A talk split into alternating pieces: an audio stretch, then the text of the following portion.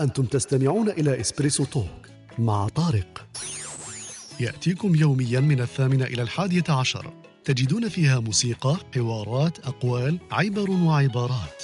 استمتاع واستفادة يوميا. استمتاع واستفادة يوميا حول أختنا وهبة صباح الخير. أختي وهبة كيف حالك وأحوالك؟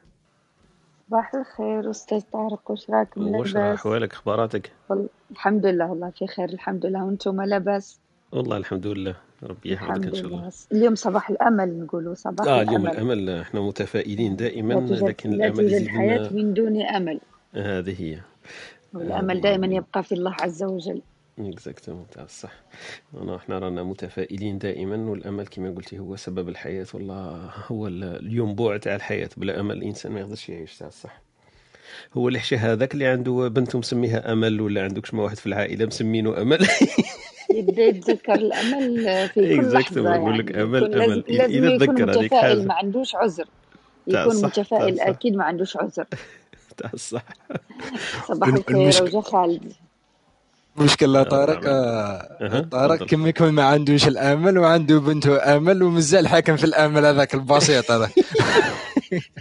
صباح الخير صباح الخير مش مقتنع؟ صباح الخير. صباح الخير أختي وهيبه آه، أو جا خالد. صباح الخير عليكم. صباح الخير سي صباح خالد. النور خالد. صباح الأمل اليوم نقولوا صباح الأمل. حتى جمعة مباركة حتى نبقاو في الموضوع. إن شاء الله. إن شاء الله إن شاء يا الله، رب صباح علينا. وعليكم يا رب إن شاء الله. رغم إنه ما كانش الجمعة هنا هكاك برك. نقولوها برك. الأيام كاع كي بعدها صح؟ تتشابه تتشابه. هكذا سقسيت قبيل بدينا الهضرة أنا ويونس. قلت له عندكم جمعة؟ قال لي لا لا إحنا عندهم سبت وحد. واستغربت شوية. قلت له أنا normalement الماليزيين يعتبروا دولة مسلمة الأغلب و... لكن العطلة تاعهم الاسبوعيه يظهر بلي ماشي جمعة ما عندهمش يوم عطلة أسبوعية. نقول له يحكي لنا يونس على المساجد في ماليزيا لأنه عندهم واحد كل سيبني، مدينة تعجبني مسجد عنده عمارة خاصة. صح صح. أنا تعجبني ال architecture تاعهم إيه، صح.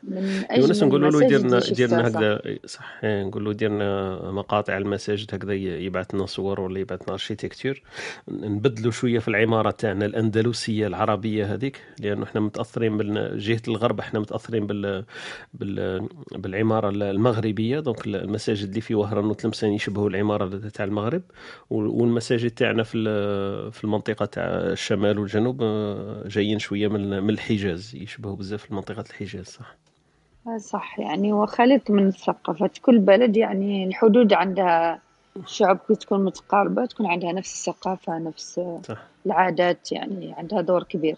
صح صح تلعب دور. تأثر شوية صح في العمارة حتى في العمارة تبان. أنا يعجبوني كما قلتي تعجبني الأركيتكتور تاعهم. العمارة تاع هندسة المساجد اللي في في آسيا تختلف تقريبا جذريا على الهندسة تاع العمارة في المساجد الدول العربية الأخرى كامل يعني هما نظن c'est international والله أعلم يعني مم.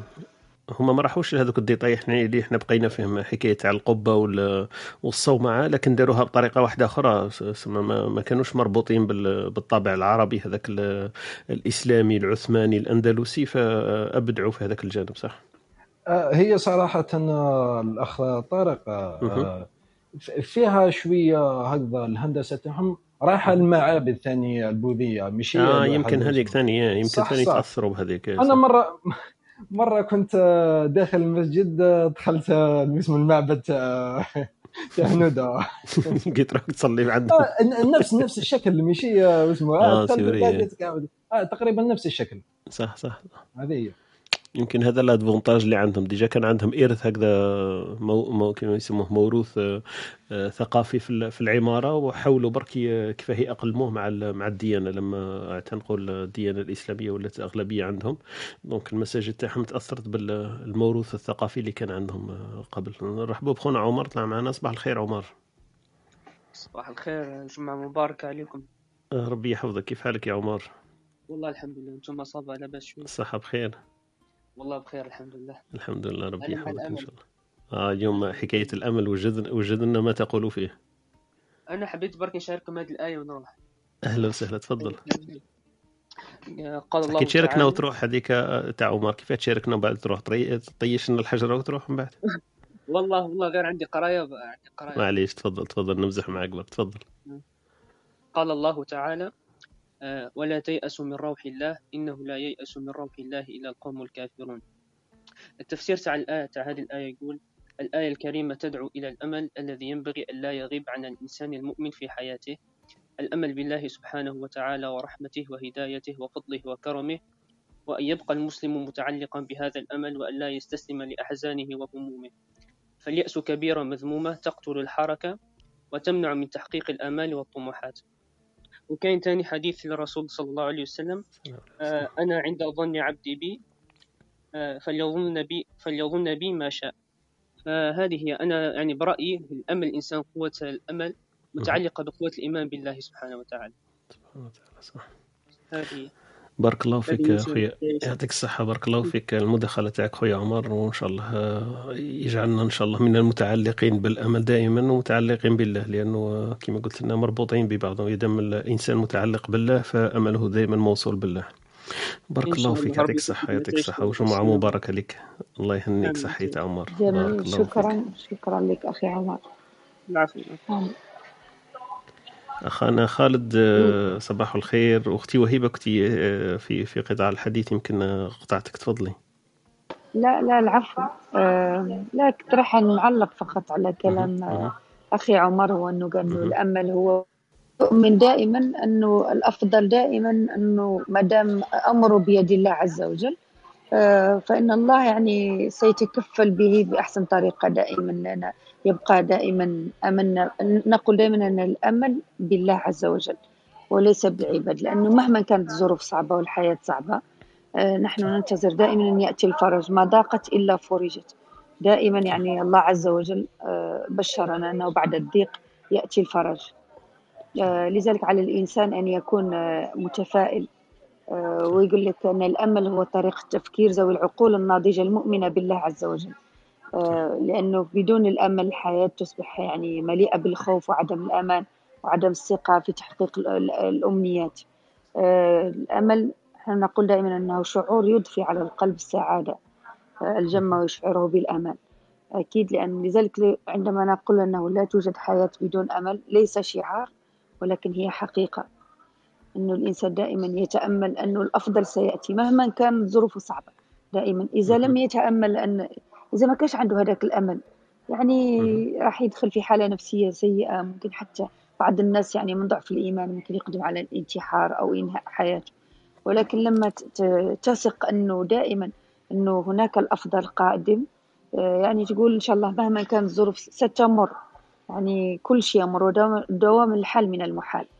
هذه أكيد لذلك آه، دائما إحنا في المهم في الثقافات الشعبية نقول دائما إنه آه، الرجاء في ربي يعني دائما الناس. تقول أنا نرجى في. ربي الرجاء في ربي متعلق بربي دائما يقول لك مهم. تعلق ب...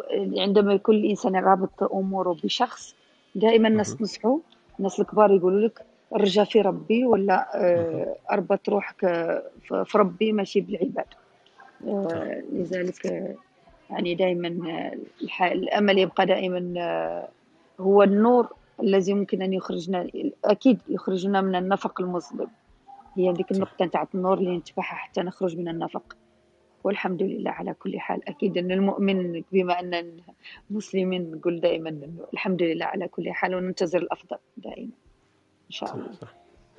بارك الله فيك يعطيك الصحة أختي وهبة كما قلتي هو هو النور في آخر النفق وهو المصباح في الغرفة المظلمة. دونك يقدر بالأمل هذاك ينير الإنسان إذا كان في في في وضع حرج وإذا كان في في دومومة الحياة وفي مسيرة الحياة فهو دائما هذاك الضوء الذي يقوده إلى إلى مخرج النجاة بإذن الله. دونك هذا إحنا عندنا كمسلمين وكمؤمنين. نؤمن بهذه القاعدة أنه الأمل هو دائما في الله. مربوط بالتفاؤل دائما. مربوط دائما يقول لك. الأمل والتفاؤل. دائما كذا يقول لك الأمل والتفاؤل. هذه صح. بارك الله فيك. يعطيك الصحة أختي وهبة. آه، قدام لا نفوت لخويا خالد. كاين خونا أيوب نرحبوا به. صباح الخير خويا أيوب. صباح الخير. أهلا وسهلا بك خويا أيوب. كيف حالكم لاباس؟ بخير. ربي يحفظك. أهلا وسهلا بك. موضوع الشباب الله يبارك. أهلا ربي يحفظك. ربي يبارك فيكم. وش تحكي لنا أنت على الأمل آه، أيوب؟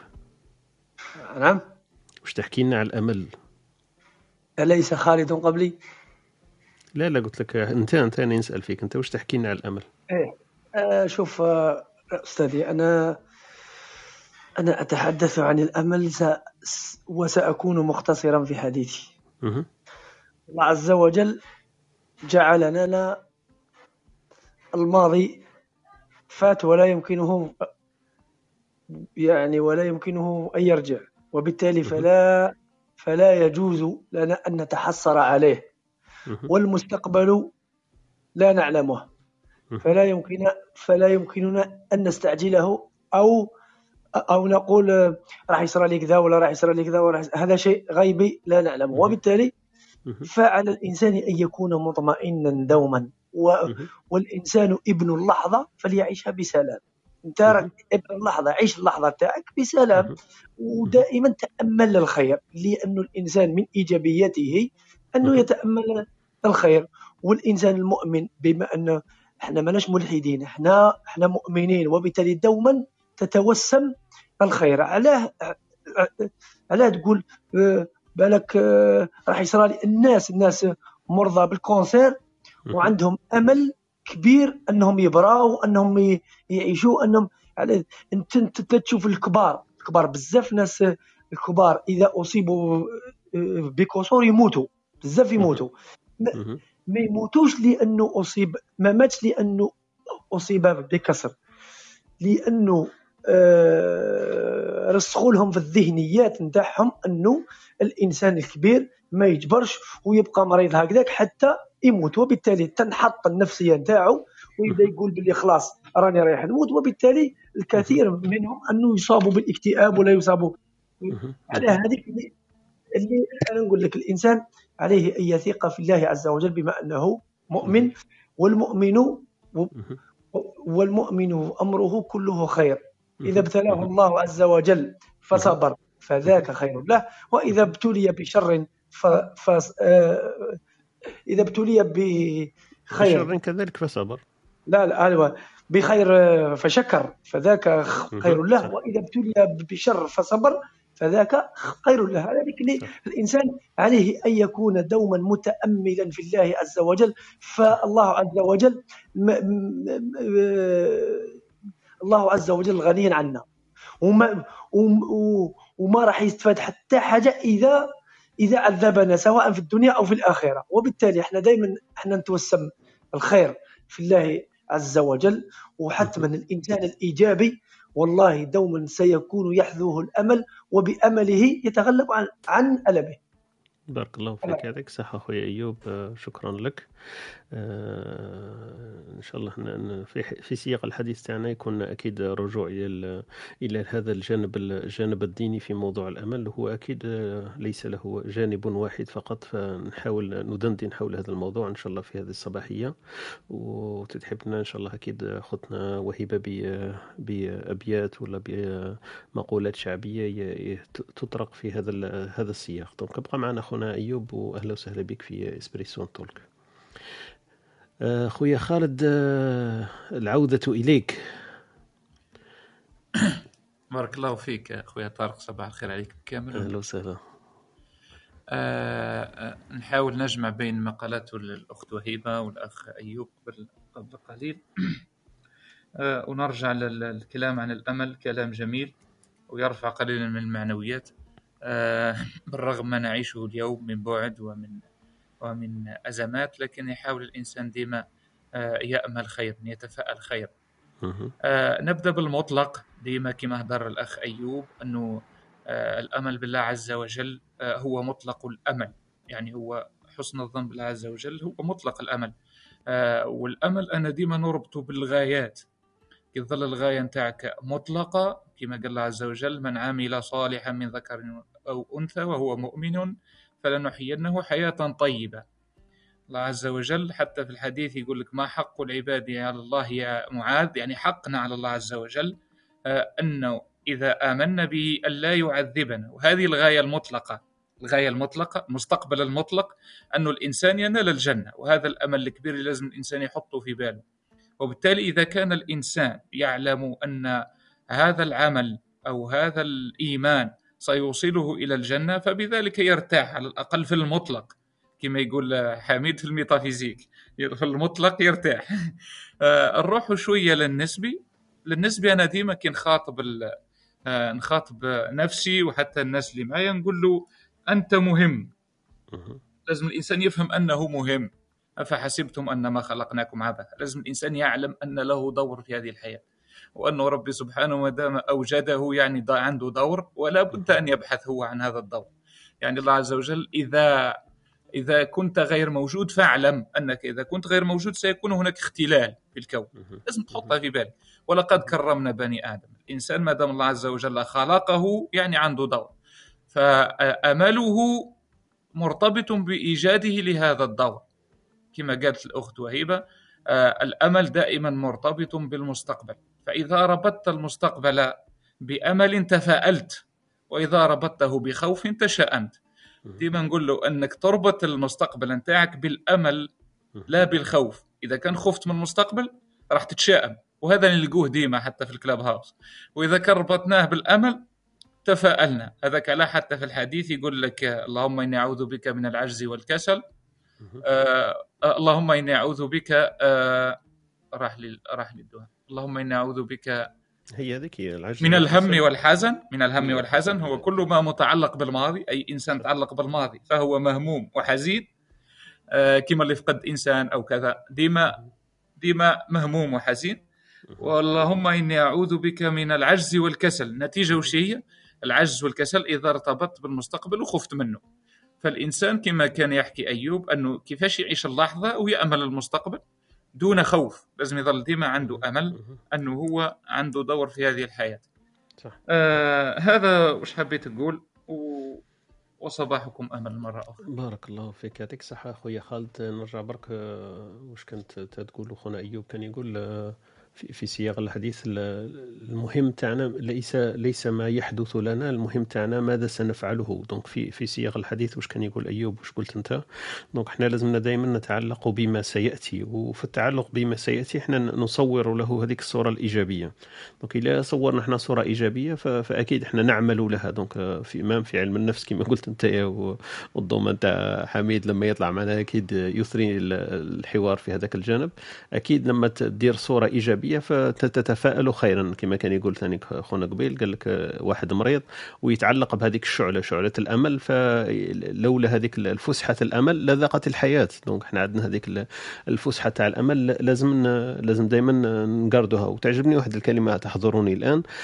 في الإنجليزية أنت تعرف خالد وأختي وهيبة نقولوا الإنسان هذاك لما يمرض المرض النفسي آه، اللي ما يقدرش يداوم على الحياة الطبيعية كاين واحد المرض النفسي يسموه burn out وأنتم ال burn out هذا تسمعوا به بزاف لكن لو نترجم إحنا كلمة هذه burn out ماذا معناها؟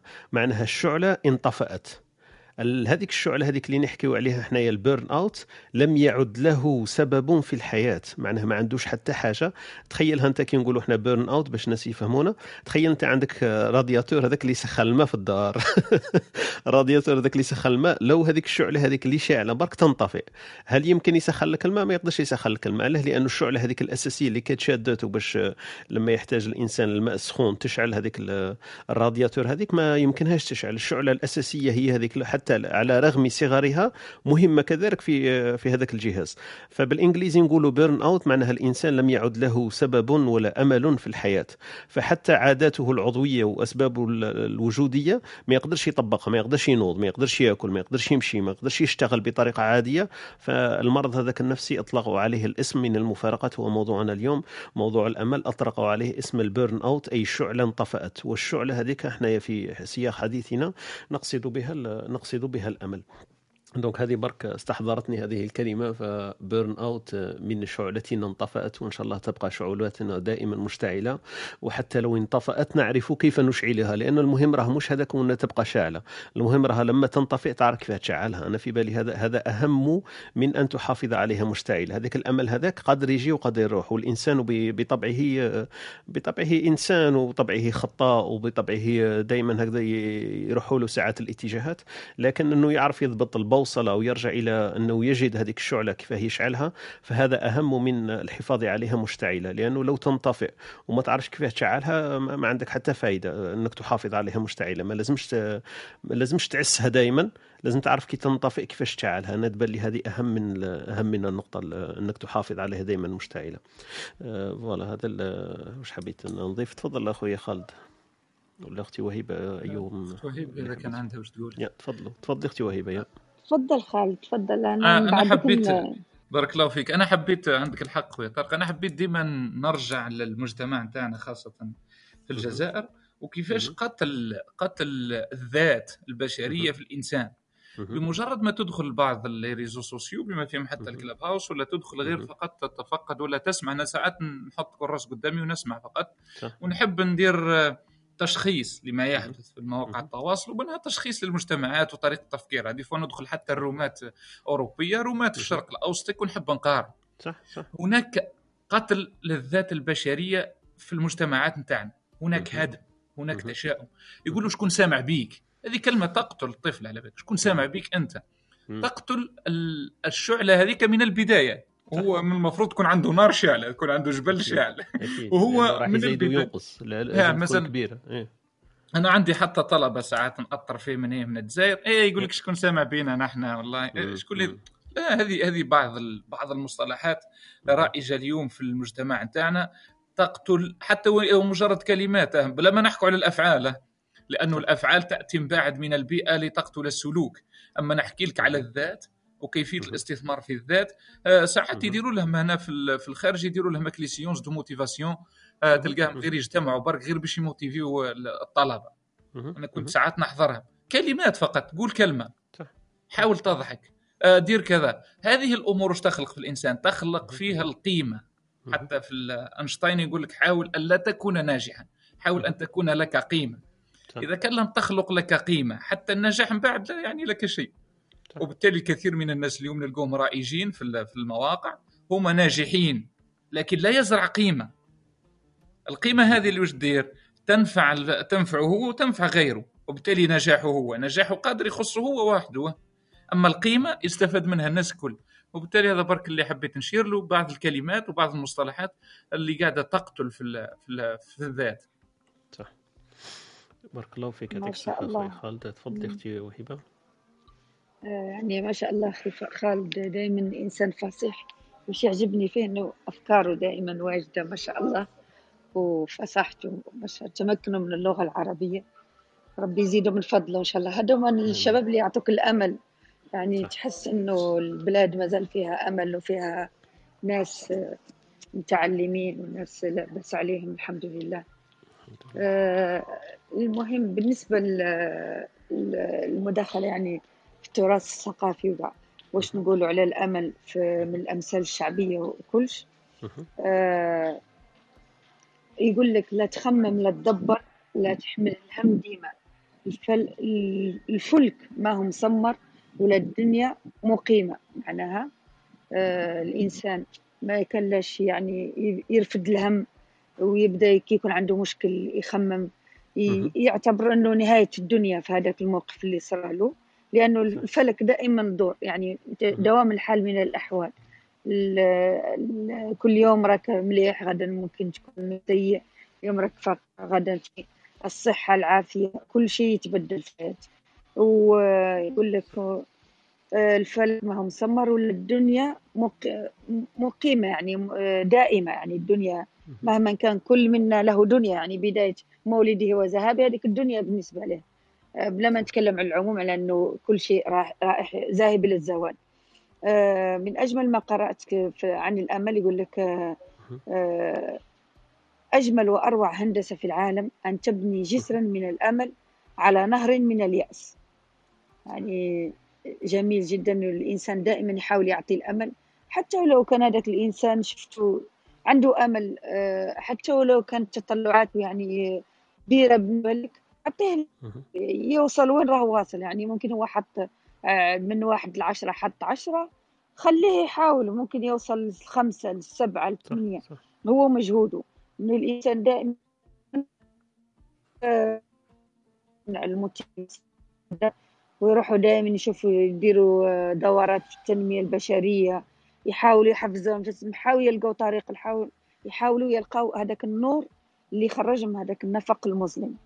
يعني الإنسان لازم ما يخليش حتى آه، حيلة أو آه، آه، فرصة على إنه يحاول حتى ولو كان يعني يحس بإحباط يحاول دائما يحفز نفسه آه، وهذا التحفيز أنا أظن هو اللي راح يوصله لأبعد نقطة ممكن يوصل لها.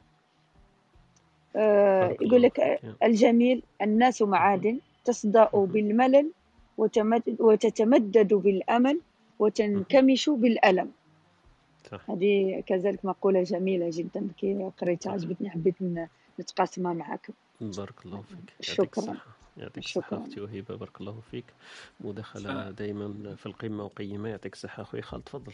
بارك الله فيك أختي وهيبة ربي يحفظك. حبيت نربط المقولة الأخيرة بالزمن. ما ديما نحب نروح شوية للفلسفة. عاودي استنى لي تشوف الأخت وهيب. يجيني إيه. حميد واربط الزمن كله معاه لا عاودي لي تشوف الأخت وهيبه المقولة الأخيرة. تفضلي. إيه. الأخرى تقول لك إنه النا- الناس معادن. الناس معادن. تصدأ بالملل هذا الحاضر. إذا وتتمد كان أي. اسمحي لي نتفاعل معك. هذا الحاضر إذا كان فيه ملل. إذا عشت حاضرك بملل تصدع تصدأ تشوفها صح. إيه. وتتمدد بالأمل. بالأمل هو المستقبل كي يظل متفائل. تتمدد. وتنكمش بالألم. الألم يعني هو الماضي. إذا تعلقت بالماضي. يعني أي حاجة تتعلق بالماضي فهي تجعل الإنسان يعجز ويتكاسل. وأي حاجة تتعلق بالأمل والتفاؤل سيتمدد extended وأي حاجة طبعاً، عايشها في. لحظتك و... وملل فأنت تصدأ معها. حاجة هذه. طبعا لأنه الإنسان طموحاته تزيد بالأمل. يعني كي يكون عنده أمل راح يخدم على روحه راح يقول أنا نقدر ندير كيما دار هذاك. مثلا يشوف هذاك يقول لك يجي واحد كيما قلت أنت يقول له شكون سامع فيك ولا وين- وين راك من هذا الإنسان؟ ولا هذاك الإنسان إنسان كيف؟ فقط أنه طور واجتهد وعمل حتى وصل لهذيك المكان. نظن أنه كل إنسان آه، عنده فرصة في الحياة. يكفي أنه ما يخليش الحظوظ نتاعو يحاول كل يستغلها.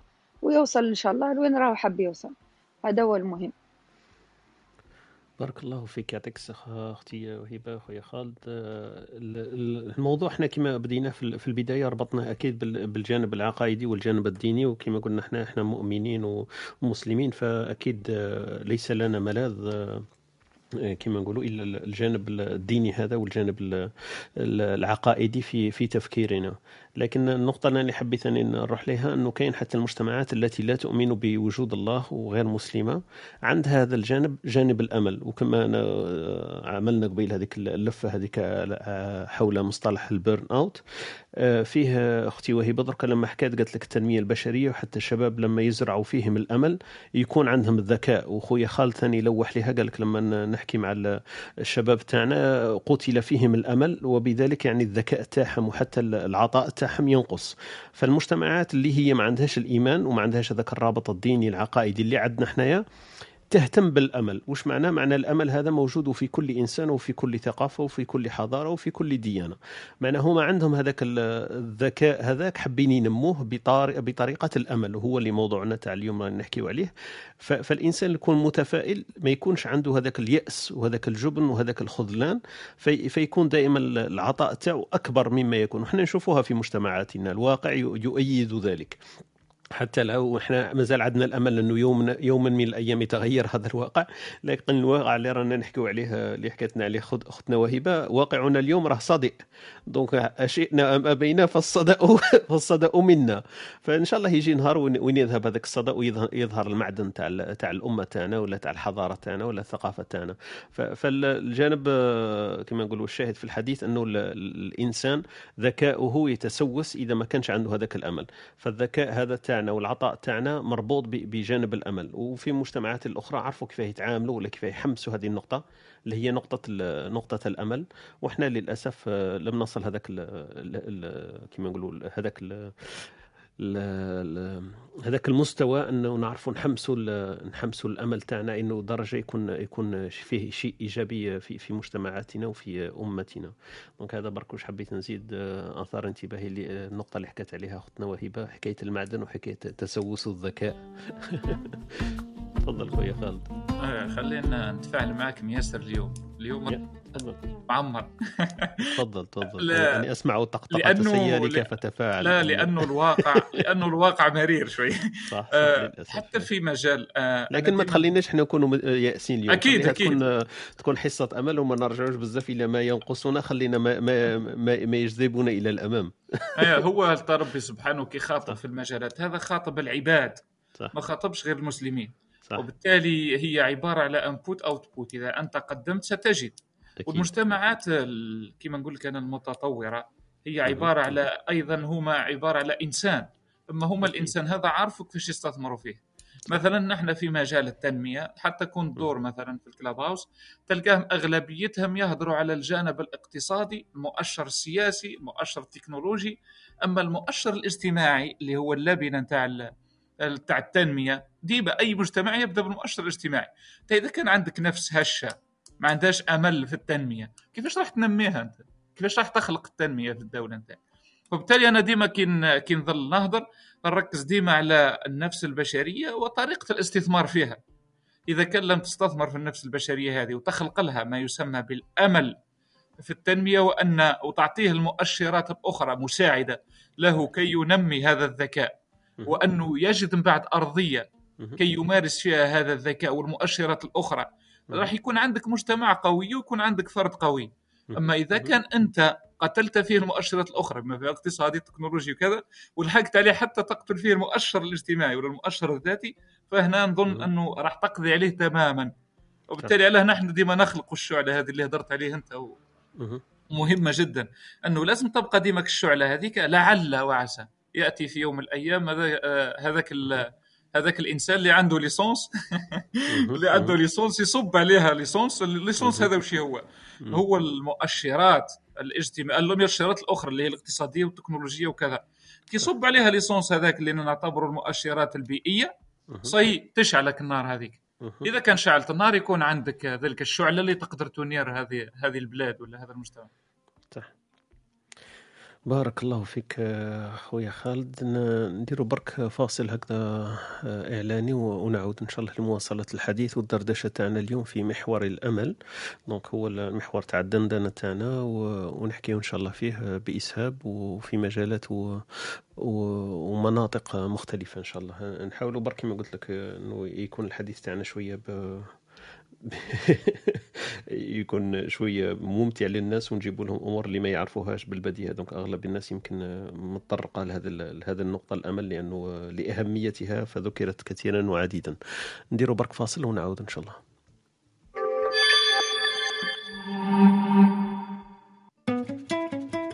أنتم تستمعون إلى إسبريسو توك مع طارق. يأتيكم يوميا من الثامنة إلى الحادية عشر. تجدون فيها موسيقى، حوارات، أقوال، عبر وعبارات. استمتاع واستفادة يوميا. استمتاع واستفادة يوميا. استماع واستفادة يوميا. donc آه، نكملوا إن شاء الله الحديث تاعنا في هذه الصباح على موضوع ومحور الأمل. آه، خونا أيوب آه، كان رفع إيده يمكن عنده حاجة مهمة حب يضيفها. خويا أيوب تفضل. تحية طيبة مرة أخرى؟ ألو؟ نسمعوك أيوب تفضل. أيوة. والله أنا أردت أن أترك الجانب الأكاديمي قليلا و... وأذهب إلى الواقع. أنا كما تعلمون أحبتي الكرام أنا كفيف البصر منذ الولادة. فكانت والدتي فكانت والدتي الله يحفظها.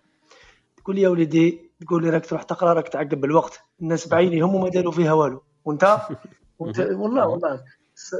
ولكن ولكن هذا الشيء أنا كان يبعث في الأمل. بالعكس أنا كنت أنا كنت نقولها يا والدتي سأتحداك يوما ما ونكون والحمد لله من الله علي عز وجل وراني إطار في الشركة وخدام ولكن أنا واش حبيت نقول من هذا الكلام؟ كاع حبيت نقول باللي المجتمع كما كان يقول الاخ خالد. المجتمع ظالم في كثير من الأحيان هو الذي يثبط المعنويات هو الذي يجيب لك واحد الأشياء إذا كان إذا كان راح لواحد مريض.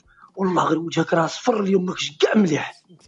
ديجا خلاص هنا هنا هذيك الشعلة اللي انطفأت اذا كانت اذا كانت شوية شعلة هو راه صب عليها الماء طفات.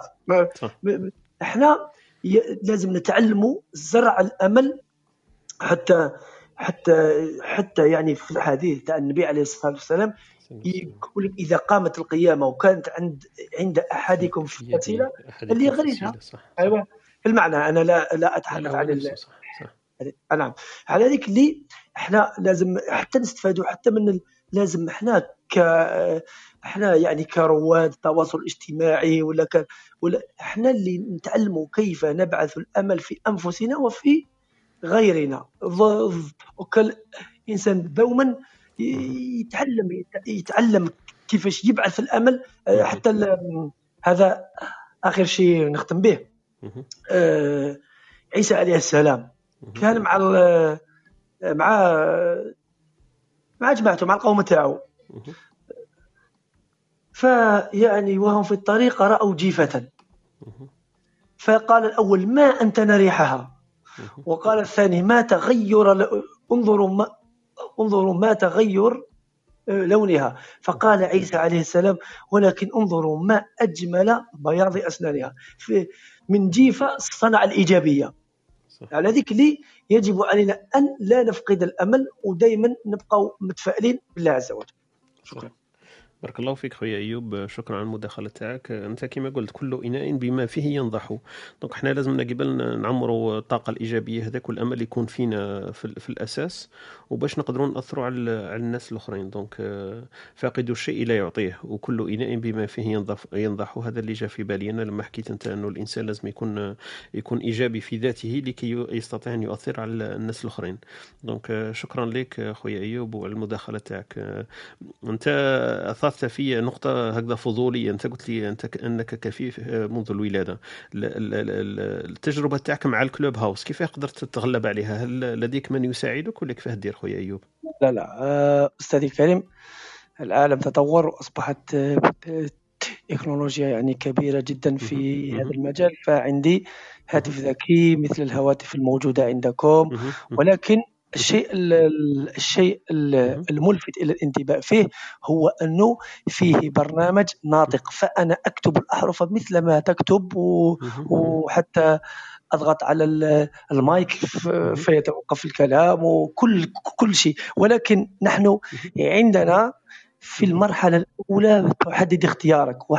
وإذا أردت أن تفعل ذلك الشيء فعليك أن تضغط ضغطتين هذا المجال تاعي شوية مجال تخصص تاعي ال IT فمن هذاك. الباب أثار في نفسي هذه النقطة. قلت أنا كيفاش من حقك تسأل يستعمل. عن الكاشف ما تشاء. لا ما شاء الله بارك الله فيك لا لا أنا ثار في نفسي قلت أنا أكيد خويا أيوب آه، كما قلت عنده من يساعده ولا كما قلت لي أنت عندك هذا ال- ال- ال- اللوجيسيال هذا ولا ال- الأب هذه أيوة. اللي تساعدك كيف هذه كل عندهم حتى في الخارج أو في الجزائر يعني الآن آه. صار الكفيف آه، يعتمد. على نفسه في هذا المجال ما شاء الله. وهذه أحسن نقطة انه الإنسان يح- يعتمد على نفسه. هذه أحسن نقطة صح. بارك الله فيك. هذا أثار فضولي. برك لأنه على بالي أنه الكلاب هاوس فيه فيه مشكل أنه لازم لازم تضغط ولازم تشوف ولازم كذا. فمن هذاك الباب أثار أثار فضولي لا غير. بارك الله فيك. يعطيك الصحة إن شاء الله خويا أيوب. بارك الله فيك أستاذي شكرا وأعطيتنا أعطيتنا جرعة من الأمل آه، ل- لكل من يستمع لنا في هذا في هذا الصباح. بارك الله فيك. يعطيك الصحة. أردت أن أقول نفس الشيء تفضلي وهيبه طارق أنه. أخي أيوب إذا كنا سنعطي مثال عن الأمل فهو الأخ. أيوب. طبعا إنسان متفائل ما شاء الله. وينظر دائما إلى إلى ما عنده يعني في نفس صح. إذا كانت ال- الكأس لا ينظر إلى الفارغ ينظر إلى ولكن بياض إلى كما قال. ولا إلى بياض الأسنان يعني. ما شاء الله. ما شاء الله. ما شاء الله والله يعني. ربي يزيدك من فضله إن شاء الله أخي إن شاء الله آمين. بارك الله فيك. شكرا. بارك الله فيك. يعطيك الصحة خوينا يعطيك الصحة أختي وهبة. بارك الله فيكم. آه، نشوفوا مع أخونا خالد وننتظر يمكن يطلع معنا أخونا حميد في هذه الصباحية. آه، نشوفوا آه. ي- ي- يضفي على حوارنا ولا خاوة من اللي راهم من المستمعين. إذا عندهم ما يضفوه في هذا الصباح فأهلا وسهلا بكم تدخلاتكم اليوم في محور الدندنة تاعنا تاع اليوم. هو محور الأمل ونحكي إن شاء الله بإسهاب. تفضل خويا خالد. آه، حبيت نقول بارك الأخ أيوب آه، أهلا وسهلا وشرفتنا بحضورك. أنا شفت فوتو قبيلة حبيت نسقسيك ولكن آه، ما حبيتش نحرجك. هو الحاجة اللي حبيت نعطيها لك أنا هو الأمل المطلق. أنه ربي أنه النبي صلى الله عليه وسلم قال من ابتلي في حبيبتيه اللي هما العينين وصبر. فله جزاء إلا الجنة. هذا في المطلق هذا الأمل المطلق اللي نحب كم آه، فأنت بإذن الله مجزى به. وأكثر من هذا أنت نجحت حتى في الأمل النسبي. أنت خلقت من الجيفة آه، آه، بياضا. فالش- فالشاهد اللي حبيت نقوله هنا أنه كثيرا من الناس ال- الذين يرون ما نقولش يبصرون لأنه البصر حاجة أخرى والبصيرة حاجة أخرى. بصيرة. الذين يرون. طلقوا عقولهم وأنت الحمد لله أعطاك ربي سبحانه بصيرة بدل البصر. وربي إن شاء الله يثبتك وربي إن شاء الله يوفقك ومزيد من النجاحات إن شاء الله. ربي يوفقك أستاذ خالد. أهلا وسهلا. أستاذ خالد. تفضل أيوب. شوف عباك باللي أنا والله يعني واحد الف يكره قبل ما تروح لي برك إحنا عباك باللي بزاف. إحنا إحنا كمكفوفين الناس يشفقوا علينا بزاف. اسأل ما تشاء وفي أي مجال تشاء. عباك باللي إحنا عندنا تروح الب... تروح البوسطة خليه يجوز خليه يجوز خليه يجوز. إيه، إيه، في الكار. في الكار خليه يريح خليه يريح. أنا ما نحبش نكونوا. في هذا ولا دوما يحب يسقسي. آه مسكين كفيف ما. نسقسيش ربما نجرحه ربما الكفيف أنا بالنسبة لي الكفيف هو إنسان كيما الناس عادي. بالعكس من حق البصير أن يعرف على هذا العالم ويسأل أسئلة ايا كانت أي كيما كان يظن هو فيها الحرج بالعكس ماشي حرج من حقك من حقك علينا أن نعرفك من نحن من حقك علينا صح؟ بارك الله فيك. يعطيك الصحة أخويا أخ هذه أيوب. النقطة صح؟ آه، صح تفضل خالد. الحرج أيوب هو أول لقاء. من ثم يجي الحرج. لما كنت جيت نعرفك سابقا راح نسقسيك. وبالتالي هو الحرج يأتي من الناس ال- الآخرين نفس الشيء من. الاتصال الأول. أنا نحت نتحرج من أي إنسان ما نعرفوش. صح. مش غير من الكفيف أو غير غير صدقني صدقني آه. فرحت بما تقولونه كلام رفيع المستوى فيه فيه فائدة كبيرة جدا فيه عبك بلي دخلت في بعض الرومات ما, ما تقدرش تريح معاهم زوج دقائق صدقني ولكن مم. كلام رفيع المستوى بأدب باحترام صدقني أنا أنا أنا بالنسبة لي لامي la médaille d'or أنا نمدها لكم parce que كلام رفيع. المستوى هذه وكلام نفتخر. بها أخونا أيوب ربي يبارك فيك ويحفظك شهادة نفتخر ونعتز بها. أخوي أيوب وأهلا وسهلا بك في كل صباح. إحنا شكراً، رانا من الاثنين شكراً. إلى الجمعة ومن التاسعة إلى شكراً. الحادية عشر. هذا اللقاء تاعنا تاع إسبريسو توك وتلقى فيه إن شاء الله محاور ونقاشات آه، زي ما قلت. شاء الله. إحنا الرقي تاعنا الشهادة اللي قلت عليها هو من رقي من يستمع ومن يتكلم معنا. donc أنت راك كنت من المتكلمين ف...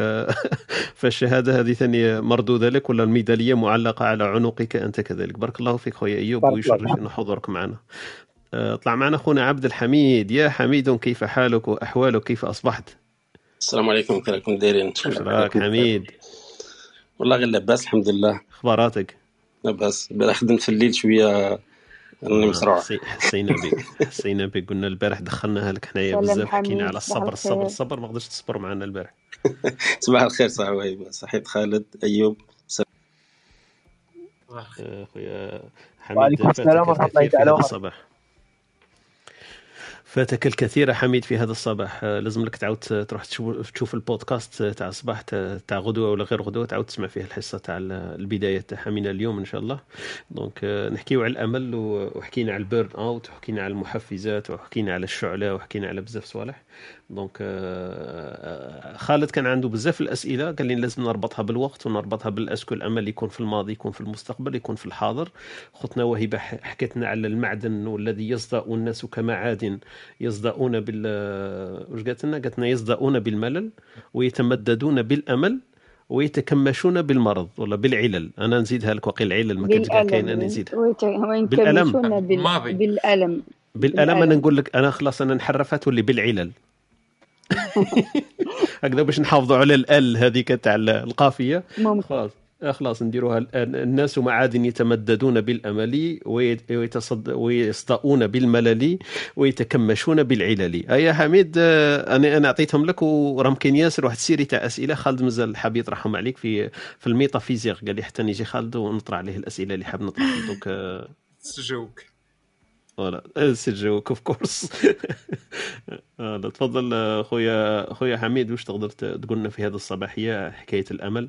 واش الناس يقولوا عليه ولا واش أنت تقدر تفكر فيه لما تجي هذا ال- تجي هذه الكلمة في في في سمعك ولا في آذانك؟ أنا يأست نقول أي حاجة قلت كلش. آه قلت لك. جانب الوقت كاع ما طرحناش ليه. كل ما يجي آه، خالد يطرح لي سؤال نقولوا استنى حتى نجي حميد. باش كان ما نقدرلوش وحدي هذه الأسئلة تاعو آه، ميتافيزيقيه بزاف. الامل لازم يكون عندك أمل لو قال لك خويا أيوب. آه لازم.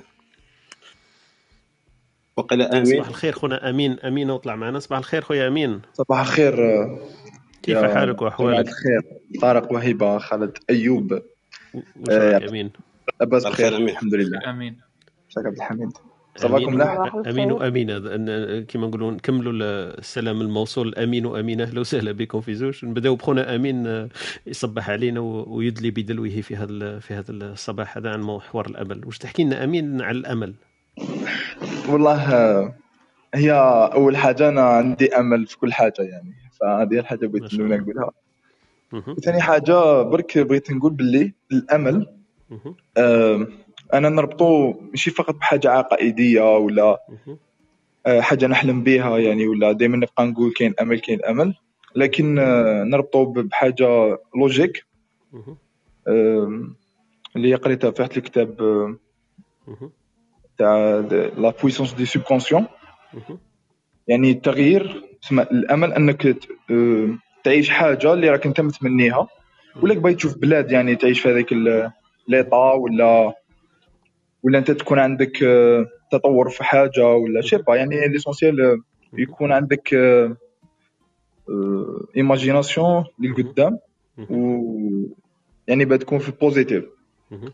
ففي هذا الكتاب يعني آه، تقدر تتغير أي حاجة au futur يعني في le futur تبدلها. فقط آه، تستعين بال subconscient تاعك. آه، اللي هي يعني تقريبا في ال- في العالم ال- في العالم الم- الإسلامي يعني اللي هي الدعاء. يعني الإيمان بالفكرة. يخلي ال subconscient تاعك يخليه يكري يكري un monde ولا environnement يعني حواليك كما يقولوا. اللي آه، تخلي هذوك الصوالح اللي ايماجينيتهم réalisables يعني هو يولي يوفق لك في الأمور. مهم. آه، soit يعطيك des, des idées آه، soit يخليك toujours positif باه صوالح اللي vraiment انت امنت بهم يتيرياليزاو صح وهذه يعني يعني جربتها يعني شخصيا ماشي زعما نقول لك فقط واش قريت.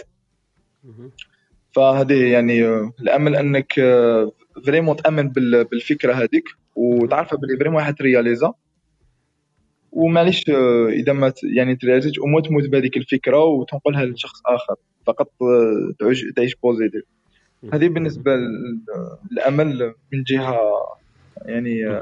يعني voilà logique من جهه من جهة أمينية. بارك الله فيك أمين. النقاط اللي حكيتهم اثروا فيا هكذا واحد التسلسل منطقي. كما قلت أنت بالجانب المنطق حكيت على ال subconscient حكيت على الفكرة ومن بعد قلت الدعاء ومن بعد قلت حنايا كما يقولوا ومن بعد قلت حواليك.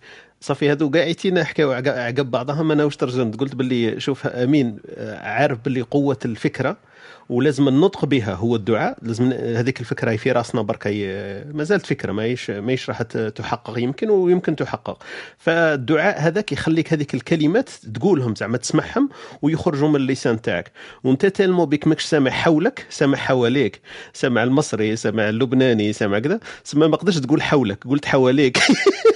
هذه تبين لك قو- قوة ال- القول لما يذكر سما تمن به أكثر. donc بارك الله فيك. donc آه، أمين يعطيك الصحة. قوة conscient قوه النطق بالفكرة وال- والإيمان بها donc إلا آمنت بها وسمعتها وكررتها آه، عندها عندها une chance كبيرة عندها كما نقولوا آه، نسبة كبيرة باللي قادرة تحقق لأنه برك آه، هي انطلقت انطلقت من العدم. ولو أنت ما دارتش في راسك ما ت existi ش هذيك الفكرة. مازال الغيب إحنا ما نعلموش. ففي في راسك وبعد في في لسانك وسمعتها أذنك وآمن بها القلب تاعك واليدين تاعك ما عليهم إلا أن يطبقان فتتحقق بإذن الله. دونك لأنه علم الغيب إحنا ما عندناش ربي برك يحب يحقق لنا الأمال تاعنا اللي هي الدعاء ولا لا. بارك الله فيك خويا. آمين. شكرا. وفيك بارك الله شكرا امينه أهلا وسهلا بك. صباح الخير في هذه الصباحية. أهلا. صباح النور. السلام عليكم. وعليكم السلام. آه، صباح الأمل إن شاء الله يا ربي والإيجابية. آه، أنا بالنسبة لي الأمل يترافق مع مع إطلاق الحي... طاقات الحياة يعني. الإنسان اللي يكون في حسن حال ويكون عنده تحيز للإيجابية فسيكون لديه أمل أمل موضوعي أمل واقعي. آه، هناك بعض النقاط هي اللي تستحق أنه نفكر من خلالها في الأمل. وهي أنه الحياة آه، يعني لديها طاقات آه، كبيرة و-.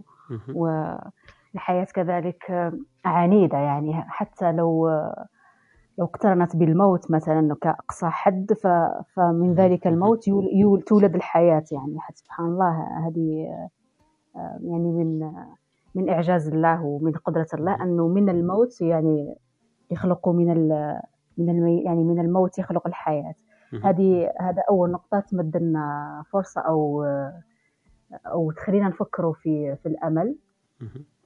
كذلك آه، يعني في علم النفس مثلا آه، علم النفس الإيجابي مهم. اللي آه، الآن هو راه هو الرائد لأنه خلاص ماش كاين فقط علم النفس المرضي والبحث عن الاضطرابات النفسية والتشخيصات والغرق في في تلك. التوصيفات والتصنيفات الإيمان أنه الإنسان قادر على قادر على الشفاء وعلى النمو وال- والتعافي يعني خلال خلى حتى موجات علم النفس هذه الأخيرة ولا حركات علم النفس وكل الدراسات كلها تندار على علم النفس الإيجابي اللي جابه سليغمان دونك هو يأكد لنا على أنه هناك فرصة كبيرة لإطلاق حياة الحياة والطاقة الحية داخل الإنسان.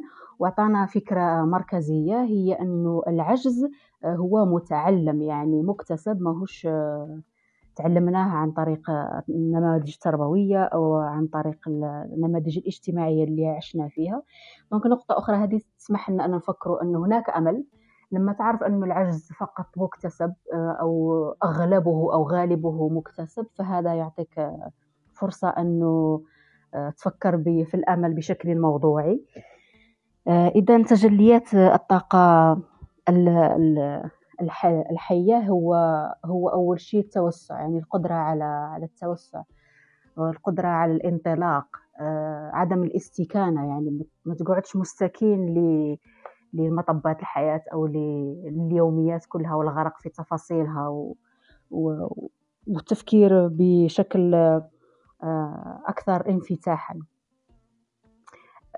إذا طاقات الحياة تسمح لنا أننا ننخرطوا في الحياة ولا يعني نعيشوا على هامشها أو نتمشوا معها آه، كما نقولوا نتمشوا جنب الحيط كما بعض ال يعني لي بروفيرب اللي عندنا نستخدموهم في الثقافة ال- العربية تاعنا ولا في ثقافتنا الجزائرية أنه يعني خليني نتمشى جنب الحيط آه، أنا غ- يعني مد رجليك على حساب على حساب الحافك وكل هذه الأمور.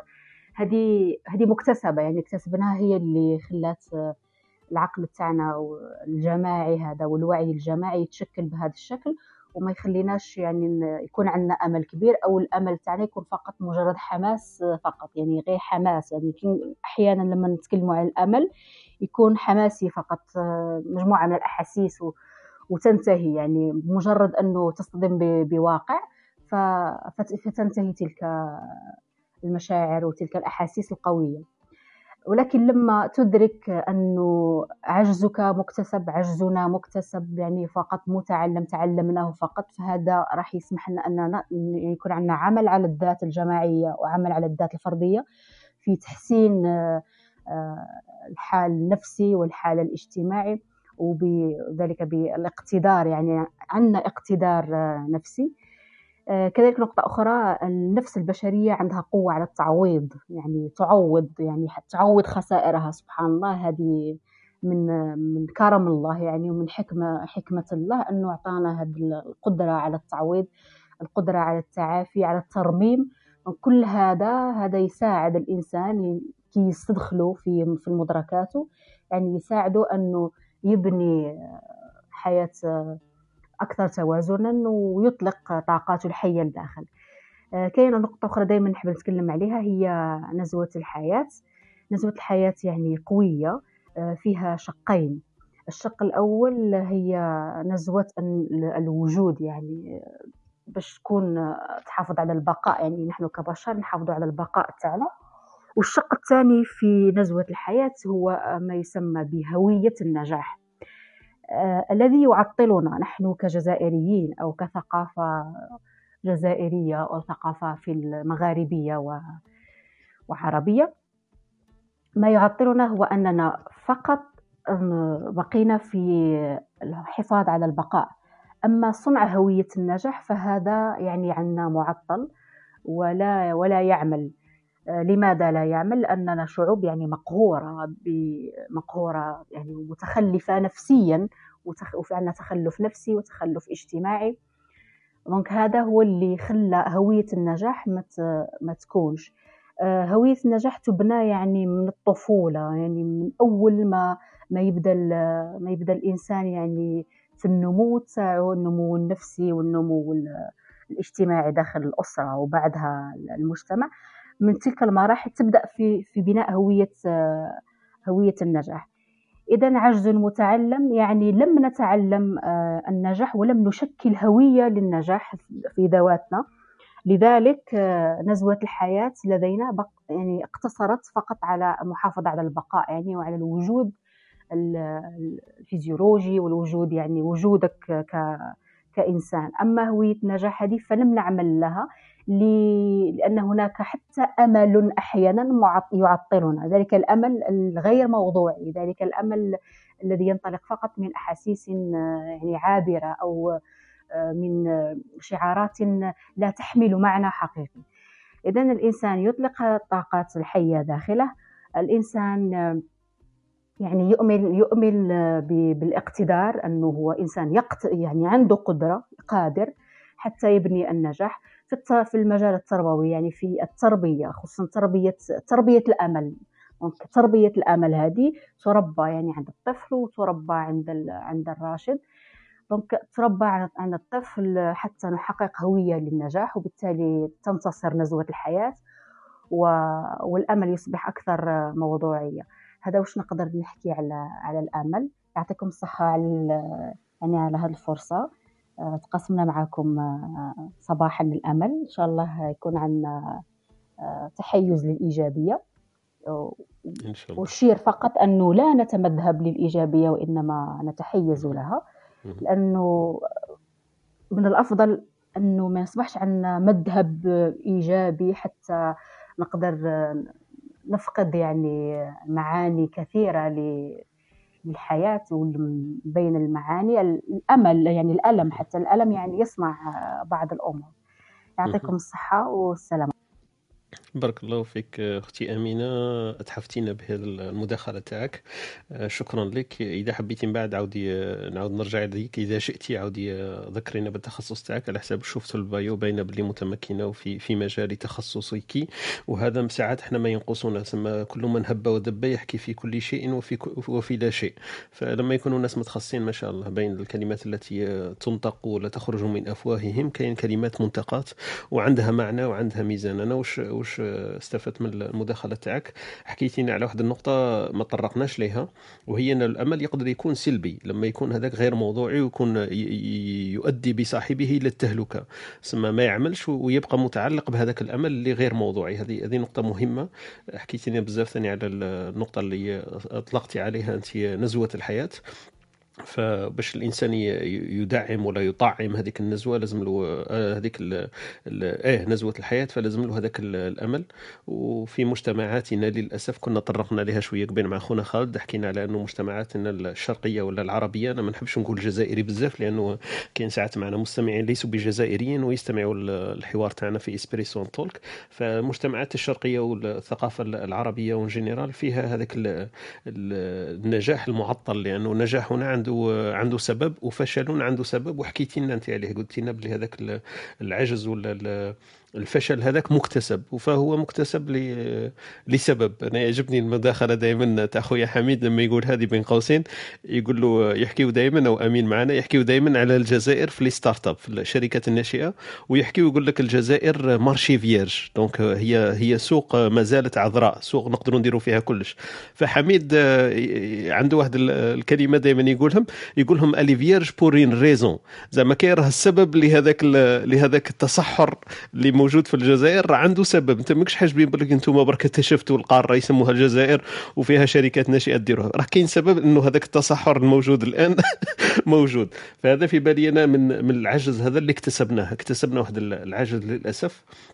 فمداخلة تاعك ما شاء الله ولازم نب- نبني إلى هوية النجاح. هذه ثاني طرقنا لها قبيل ب ب ب كما نقولوا ب بإيجاز هكذا حكينا عليها أنه المجتمعات غير المؤمنة وغير المسلمة واللي ما عندهاش يمكن ارتباط كبير بال- بالديانة وبالثقافة عندهم هذه الهوية هوية النجاح وي- ويؤطرون لها وينشرون لها. أنا يحضرني برك واحد المثل لما حكيتي أنت على ال- العجز قد يكون مكتسب كاين في في la science donc في, علم الطب كاين واحد ال- ال branche كاملة يسموها ال homéopathie أكيد أنتم سامعين عليها ال homéopathie homéopathie هذا إنه إنه المريض هذاك يعطوا له حبة تاع دواء والحبة تاع الدواء هذيك ما فيها والو. donc هي تبان له حبة دواء لكن هي مركبة من من أملاح معدنية. ويعطوا له هذيك الحبة تاع الدواء على أساس إنه هذاك راه فيه فيه مثلا عقاقير إنه الدواء هذاك يشفيه مثلا لنفرض إنه عنده مثلا مرض في المعدة ولا في عفسه هك يشرب هذاك الدواء على أمل إنه هذاك الدواء هذاك يشفيه. فيلاحظوا هذا علم هذا مؤسس له يسموه علم ال homéopathie فيشرب هذاك الدواء لمدة أسبوع شهر كذا يقول لهم تحسنت ويقدروا يبرهنوا انه صح تحسن والاطباء هذوك على بالهم باللي الحبة اللي كانوا يعطوا فيها ما فيها والو فيها أملاح معدنية لا علاقة ما فيها حتى عقار. فهذه تؤثر ولا تبين لنا بأن ال- العقل البشري قادر إذا كان positif عنده الأمل يقدر هو يشفي نفسه بنفسه من أمراض ومن علل. وهذا كما قلت لكم علم علم ال homéopathie هذا كدليل إنه الإنسان يقدر يؤثر بأفكاره على ما سي- سيحدث له في المستقبل. donc هذه هذه نقطة مهمة. وكاين الأمثلة الأخرى نقدروا نحكيو فيها في الأمل أكيد في الرياضات المتعددة منها رياضة التنس مثلا. إحنا سويسريين معروفين عندهم روجي فيديرر. روجي فيديرر يقدر يلعب ستة سبع ساعات ويمكن في الخمس خمس الأشواط الأولى مهزوم وفي الشوط الأخير آه، يتفوق وينجح وينجح بالكذا لو ما كانش عنده هذاك الأمل أكيد العضلات تاعو ليست عضلات تاع روبوكوب لكن عنده الأمل والأمل هذاك يبقى هو اللي يشده في الأخير إنه يتفوز ويتفوق في الأخير. donc هذا برك اللي حبيت نضيفه على أختي أمينة. أختي أمينة آه، كما نقولوا آه، أنا سررت بالمداخلة تاعك. يا ليت لو تكوني معنا في الصباحية تاعنا تثري على لقائنا كما نقولوا بهاء وجمالا بتدخلاتك لأني شفتك متخصصه يا ريت إذا حبيتي من بعد آه، ذكرينا برك بالتخصص تاعك ولا بمجال آه، الاختصاص تاعك. نرحبوا بخونا عادل آه non اخونا عاشي طلع معنا. donc آه ونعاودوا نرجعوا لخونا حميد اني ما نسيتوش. آه، خويا عاشي صباح الخير. صباح الخير نشكركم على الموضوع ال- الجميل هو في الحقيقة عندي سؤال صوتك ناقص شوية خويا عاشي لو تفضل أرفع شوي الصوت نعم السلام عليكم مش. مشكورين على هذا الروم يب. عندي سؤال فقط للإطراء آه الرجاء والأمل والتمني مهم. هم ثلاثة بيناتهم خيط رفيع. آه نظن حوس توضيحات برك فقط. كيفاش نعرف هذا رجاء وهذا تمني وهذا أمل مهم. مهم. نعم هذا السؤال اللي عندي. أوكي يعطيك الصحة. نشوفوا إن شاء الله واحد من الإخوة إلى يقدر يجاوبك على هذا على هذا الاستفسار أنا نسميه. ماشي سؤال لأنه إحنا لسنا بمتخصصين ولسنا ب اسال طبيبك. لكن سؤال في محله. صح هي مترادفات. يمكن أن نقدر نسميها مترادفات بين الرجاء والأمل وال- والثالث اللي قلت عليه شنو هو؟ التمني. التمني فوالا الرجاء والأمل والتمني فهذو كامل تبان لي أنا باللي مصطلحات. وأنا كاتب عندي واحد الكلمة ثانية اللي دايرها وسموها المحفز والخوف. بين المحفز والخوف يظهر الرجاء والرجاء آه، لو يتطور هذاك الرجاء يصبح أمل. فالأمل آه، زيد له شوية برك سميه تمني بعد. أنا هذا هذا الاستفسار تاعي هكذا على السريع. لكن خوتنا أكيد راح راح ين- يقدروا يمكن يعطوك آه، تفسير آه، أفضل مني. بارك الله فيك صحيت خويا عاش. آه، تفضلي أختي وهيبة. فقط آه، يب. فقط يعني أنا لست متخصصة ولكن يب. على حسب معرفتي إنه يب. إنه الرجاء يكون آه، آه، كنوع من الطلب. والطلب وإحنا دائما كي نستعملوا الرجاء بمعنى الأمل دائما نربطه بالله عز وجل لأنه عندما ترجو يعني أنك تطلب من الله عز وجل وعندك أمل في أنه آه، الطلب بتاعك راح يتحقق كأنه زعما أرفع درجات آه، الأمل. أنا على حسب فهمي. وال- والأمل هو دائما متعلق بالإنسان يعني الأمل عندما الإنسان يكون عنده أمل آه، أنه يصل لمكان يكون دائما آه، بداية من نفسه. يعني نقطة الانطلاق تكون من نفسه من عند الإنسان. يضع هدف ويضع ويق- ويقدر إمكانياته ويضع الهدف نتاعو ويحاول إنه يحقق هذاك الطموح نتاعو ودائما الأمل يكون هو المحفز.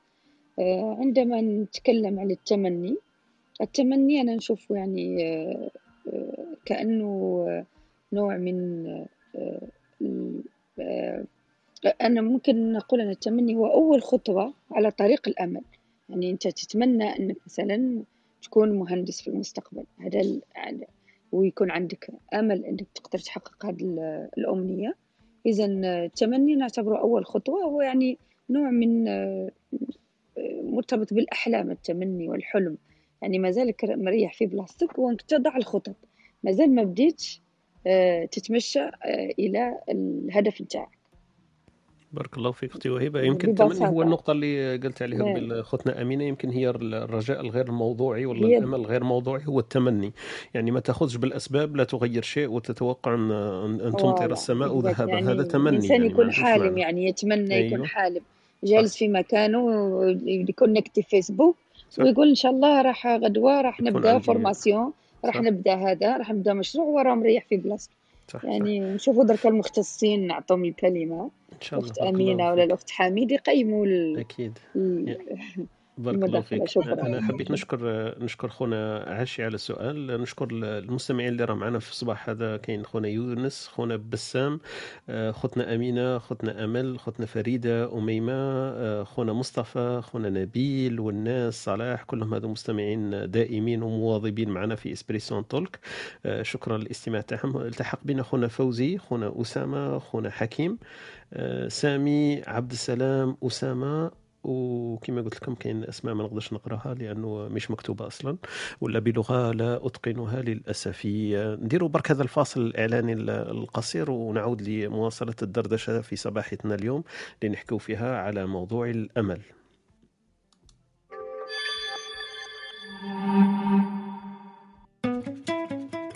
أنتم تستمعون إلى Espresso Talk مع طارق.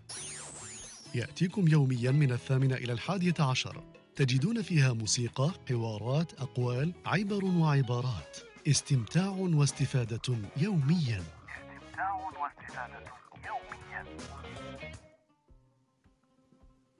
هذا أملنا أن تكون الاستماع والاستفادة وتكون إن شاء الله يوميا. donc آه، هذا ما قدرنا الله إلى فعله إلى غاية اليوم. donc راه عندنا تقريبا خمسة ولا ست أسابيع.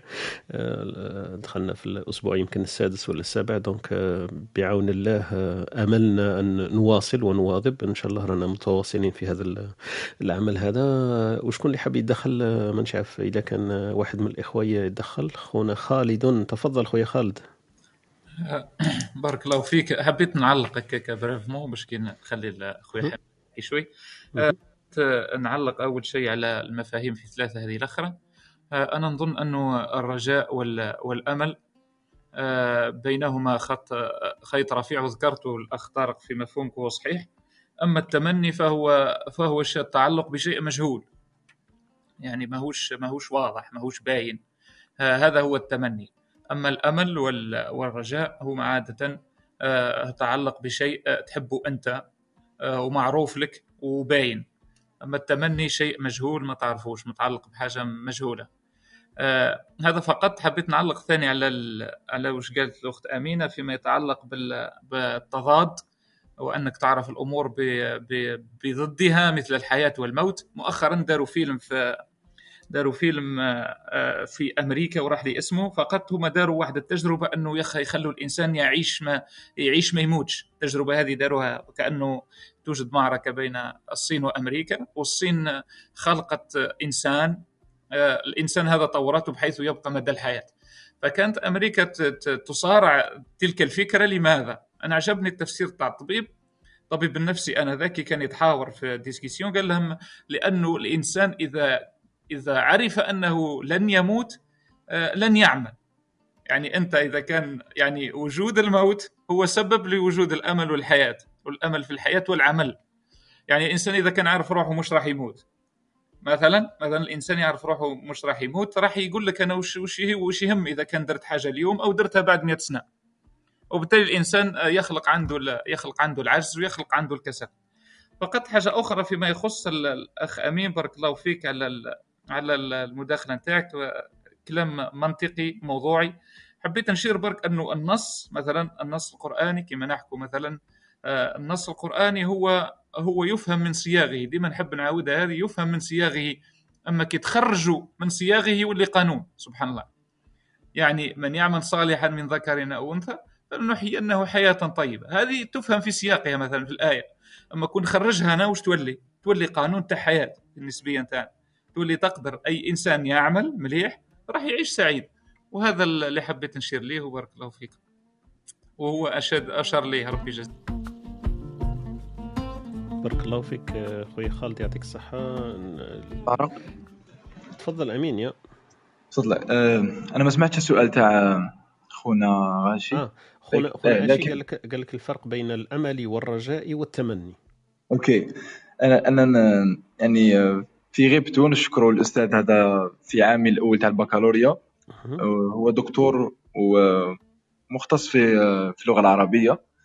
شرح لنا هذه الكلمة لأنه كنا في بكالوريا الواحد يكون عنده أمل ويترجى ويتمنى وكل واحد يهدر يعني مهم. بتجيب البكالوريا. فطعنا طعنا شرح للفرق بين التمني والرجاء. لغة واصطلاحا ولا. نسيت أنا le texte exact ولا الكلمات اللي قالهم لكن اللي بقى في بالي دوكا اللي هو أنه التمني آه، هو يعني شيء قريب من عدم التحقق. يعني تتمنى شيء يعني راك وأنت متأكد إنه شيء مش لا راح يصير. قريب جدا جدا لشيء لا يمكن تحققه. على عكس الرجاء اللي هو يعني راح ترجو يعني إذا رجوت ترجو الله من شيء سيتحقق. يعني كلمة الرجاء لما نروح حتى الحاجة فقط في اللغة العربية الرجاء لشيء قريب جدا من التحقق على عكس التمني تمني آه، شيء لا يمكن تحققه يعني قريب جدا من عدم تحقيق.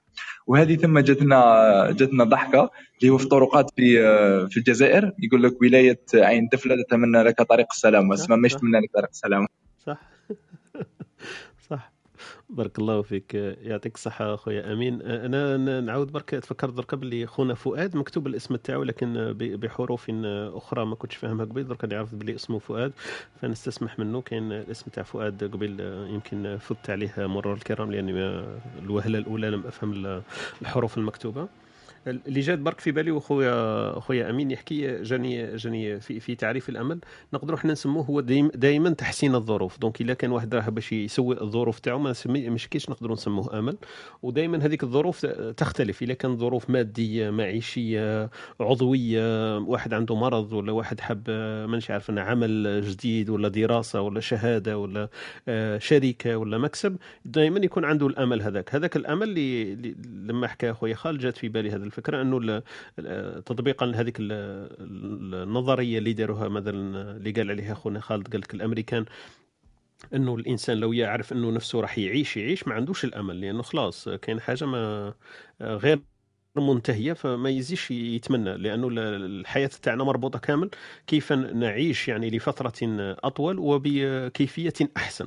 دونك أنا ما شكيتش واحد يقعد عنده أمل إنه راح يموت ولا يكون عنده أمل إنه يفقد المال تاعو ولا يكون عنده أمل إنه مثلا مانيش عارف أنا الأمور تاعو تسوء ولا تزداد سوءا. فالأمل دائما مربوط بحاجة إيجابية واحدة ومربوط بحاجة إحنا يعني نتمنى وقوعها ولا حصولها ولا حدوثها في المستقبل لأنه كما كان يقول خونا أيوب قبيل فالماضي خلاص تولي تاريخ تولي هيهات ما نقدروش ن- ن- نأملوا أن يتغير الماضي هذا ليس بأيدينا.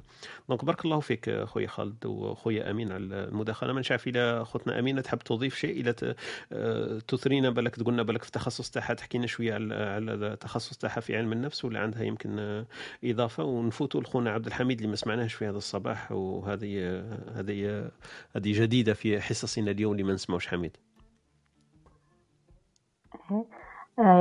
يعني من بين المفاهيم الجديدة يعني اللي نحتاجوها في يعني في العالم هذا المتغير وغير. المستقر غير المستقر.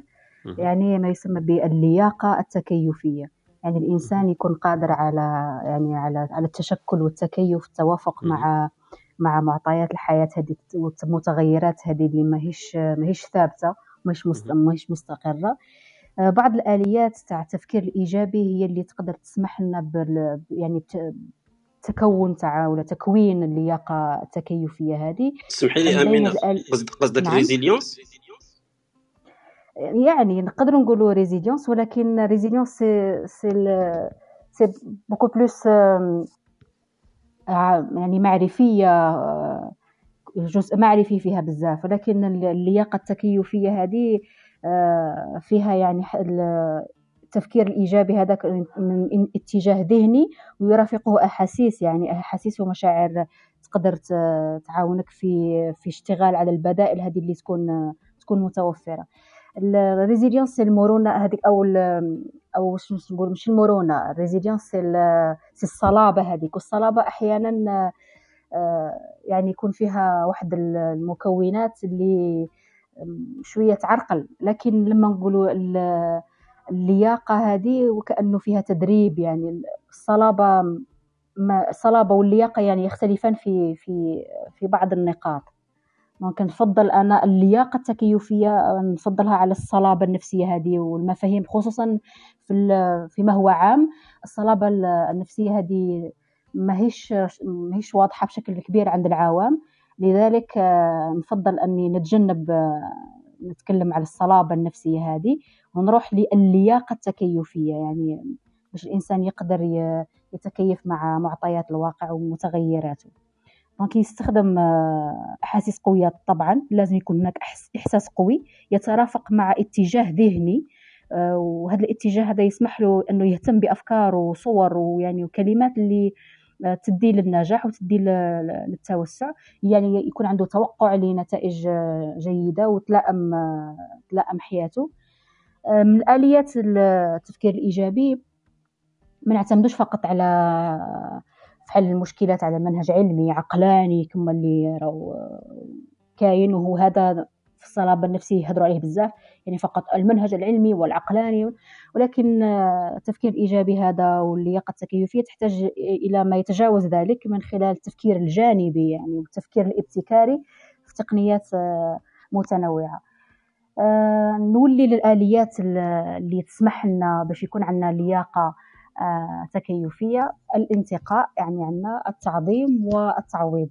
انتقاء يعني انتقاء الأهداف هنا يعني تنتقي أهداف معينة آه، قابلة للتحقق قابلة للقياس وعندها يعني فترة محددة وقت زمني محدد وهذا هو الهدف.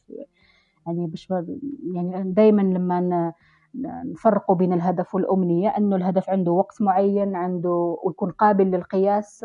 أما أمنية فكما قال خالد فهي مجهولة. يعني ما- ماهيش وال- والأمنية أحيانا تعرفوا واش دير الأمنية نفسيا واش دير الأمنية تخلق القلق غير المبرر والقلق غير المبرر هذا المبهم يعني في ارتفاعه لما يوصل للشدة هذيك تاع تاعو يسبب لنا اضطرابات تاع القلق المعمم. يعني حتى إنسان يقل يعمم القلق على كل حياته ما لهم لي طاق هادو لي طاق اضطرابات القلق المعمم. وهذا أحيانا لما نكونوا في العمل المعرفي. والسلوكي هذاك لما نكونوا نخدموا مع مع ال- الحالات اللي يكون عندها هذا القلق المعمم نلقاو أنه يعيش بالأمنيات. يعني يعيش أمنيات غير واضحة مبهمة ماهيش واضحة أمامه. لذلك آه، من الأفضل أنه الإنسان ينتقي أهدافه. آه، كذلك يعني يقوم بعمليه ما يسمى بالتعظيم. التعظيم هذا يعني هي عملية أن امتلاك موارد يعني امتلاك موارد الوسائل هذه تدقق فيها تنسقها وترفع من الفعاليه تاعها لكل الحالات القصوى تاعها يعني باش باش تتفضل عليك يعني وباش تسمح لك أنه يكون عندك تكيف. والتعويض كذلك كآلية أخرى هي التعويض يعني تشتغل على البدائل. يعني ما عندكش حالة حاجة واحدة فقط. لأنه الفكرة الفكرة اللي مور هذه تاع التعويض والشغل على البدائل أنه الأمور قابلة للتحول. يعني وهي ليست قدرا محسوما. يعني ما هو متعذر الآن يمكن أن يتوفر مستقبلا. donc يتوفر مستقبلا وكأني أنا سوف أعمل على البدائل.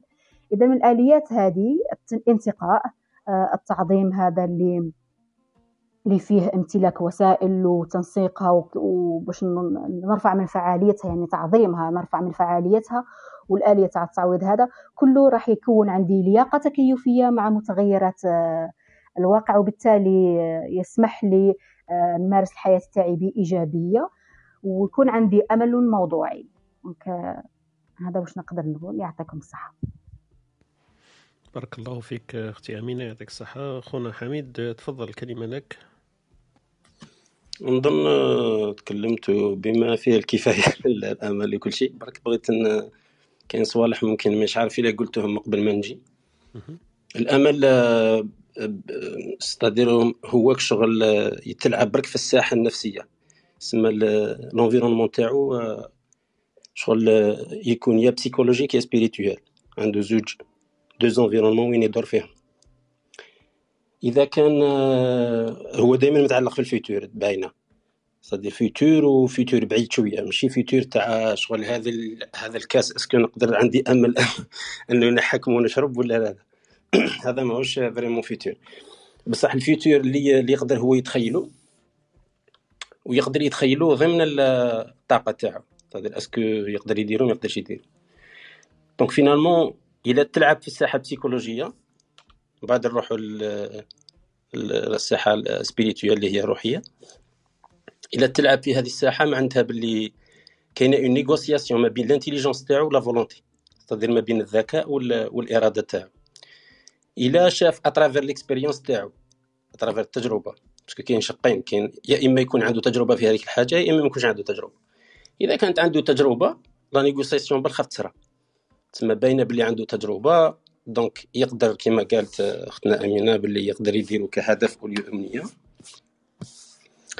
دونك يبدا ينيغوسي مع الانتيليجونس تاعو دونك الانتيليجونس هي تجيب كاع لي لي كما قالتي أنا ما نحبش بزاف كلمه آليات شغل ترجع شوية الانسان اله ما نحبهاش بزاف mais mais يشوف les moyens تاعو شغل يشوف شنو هما الامكانيات اللي عنده واللي يقدر اللي ما عندوش donc يدير شغل inventaire هكا donc كاينة une vraie négociation ما بينه وما بين الاراده الاراده دائما مش باغيه تروح مش باغيه تقلع وال intelligence تعطي له في les في ال raisonnement logique اللي يخليه يقلع.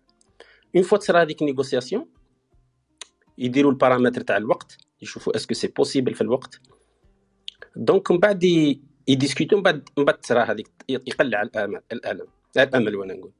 donc quelque part غير يقلع هذاك ال processus معناتها بلي la négociation فرات quelque part d'accord donc الا الا كانت على expérience عندك عندك حظوظ كبيرة أنه تكون يكون هذاك الحاجة اللي راك راح ديرها تقدر تصرى d'accord ومن بعدك إلا ما كانتش عندك بزاف ال expérience يدخلوا des des paramètres externes تسمى تولي تشوف تولي تشوف شكون اللي يقدر يعاونك quelque part ومن بعدك تولي تشوف باللي مرات تقدر دير واحد les actions حتى يحبسوا les actions تاعك ويقلع آه، آه، طرف خارجي مش كاع تاعك. ثم أنا نظن يدخل الرجاء parce que أنت هذاك ما ما عندكش بزاف شغل. درت اللي عليك و وشغل خلاص. اللي تقدروك في في العامل الخارجي. ذاك ما عندكش بزاف ما تقدرش تقول باللي نتأمل. parce que مش عندك. من أنت درت كاع اللي عليك. d'accord؟ تسمى la partie تاع الأمل تاعك كملت. الرجاء هذا par rapport ال psychologique ماناش نهضروا على ال spirituel ال spirituel c'est autre chose ومن بعدك donc إلا هدرنا كيما هكذا. donc لو كان imaginons مثلا باللي باللي كنا ندو هذه في, في ال monde حياة ولا موت. c'est-à-dire est-ce que كاينة حياة مورا الموت ولا لا لا. donc هنا نقلعوا ال spirituel تاعنا. إلى ديسكوتينا في هذه ال négociation. est-ce que عندنا vraiment expérience مورا الموت؟ ما عندناش. donc على واش راح تصرى هذيك la négociation ما بين الذكاء تاعنا وال... والإرادة أنه. يكون عندنا أمل ولا ما يكونش عندنا؟ هنا وين المؤمن مع الملحد. هنا يتسيباراو هنايا justement vraiment يتفارقوا الملحد يروح la vertu اللي يسموها le désespoir. donc هو بالنسبة ليه اليأس يرجع إيجابي. parce que اليأس على بالك هو إيجابي على بالك في حياتنا. مثلا إنسان يعرف باللي ما يقدرش يدير. donc la négociation ولا après la négociation تاع la non expérience اللي ما عندوش ال expérience وعرف واحد الوقت باللي خلاص ما نقدرش ننجح في هذه. le fait كي يأس c'est positif مش négatif. على هذيك ما حتى في القرآن يقول لك حتى إذا استيأس الرسل. donc اليأس هو هو هو هو هو positif في, في بعض المرات. القنوط ماهوش positif كي تقنط. parce que هنا هنا كاين إرادة أنك باغي ماكش باغي يكون عندك أمل. c'est autre chose هذيك. بصح donc هنايا صرا هذا l'exercice donc ال athée يروح في ال désespoir يقول لك le bonheur تاعي أنه يكون عندي يأس أنه يكون حياة مورا الموت وأنا هكا نريح. علاش أنا ويمثلها هو دائما يغلط دائما les athées أنا نكره هذه المغالطة دائما يجيبوها مثلا يقول لك بلي تخيل واحد مريض وأنت درك ماهيش عندك la balle خلاص زعما كيما نقول بعيد الشر علينا نقول واحد وليدو مريض بحاجة ولا. وماهيش عنده la balle خلاص ما بين عند الأطباء ولا عند ربي ولا. بعد يقول لك أنا le fait كي نبدا نتأمل كي عندي أمل déjà هنا راني في la souffrance parce que دروك راني في هذاك الرجاء اللي أنا ما قدرتش عليه. موش عندي أنا ما نقدر نكونترولي والو. وعلاش تسألني نكون أنا يكون عندي أمل؟ ومن بعدك وعلاش نكون في أمل أنه ممكن تكون خيبة أمل مورا؟ هذه اللي دات par exemple تشارلز داروين أنه يكفر. parce que مع التالي كي بنته مرضت وكاع شغل هو كان عنده هذاك الأمل وراح l'église وطلب ربي ومن بعد الشغل اللي ربي قال له ما, ما جاوبوش وبنته ماتت. هاي علاش قلع هو قضية الإلحاد تاعو. donc quelque part c'est très dangereux انه حاجة اللي spirituelle اللي ماهيش موضوعية c'est-à-dire ما عندهاش existence دروك تروح نروح نخلطوها مع des buts اللي عندهم des existences دروك ونبداو نساوو ما بين الأمل والآمل مش كيف كيف.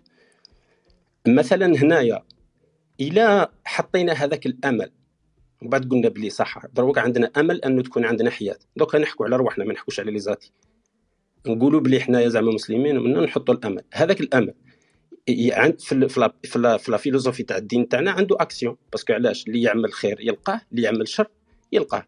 معناتها عندك c'est-à-dire كاينة une négociation ما بينك وما بين الذات تاعك باللي خلاص عرفت باللي أنت يا دروك راه كاينة une sortie وراه كاينة حياة مورا الموت دركا واش دير؟ هنا خرجوا طائفة مثلا حنا عندنا في الإسلام بكري اللي كانوا ضد الخوارج وضد السنيين وكاع يسموه المرجئة.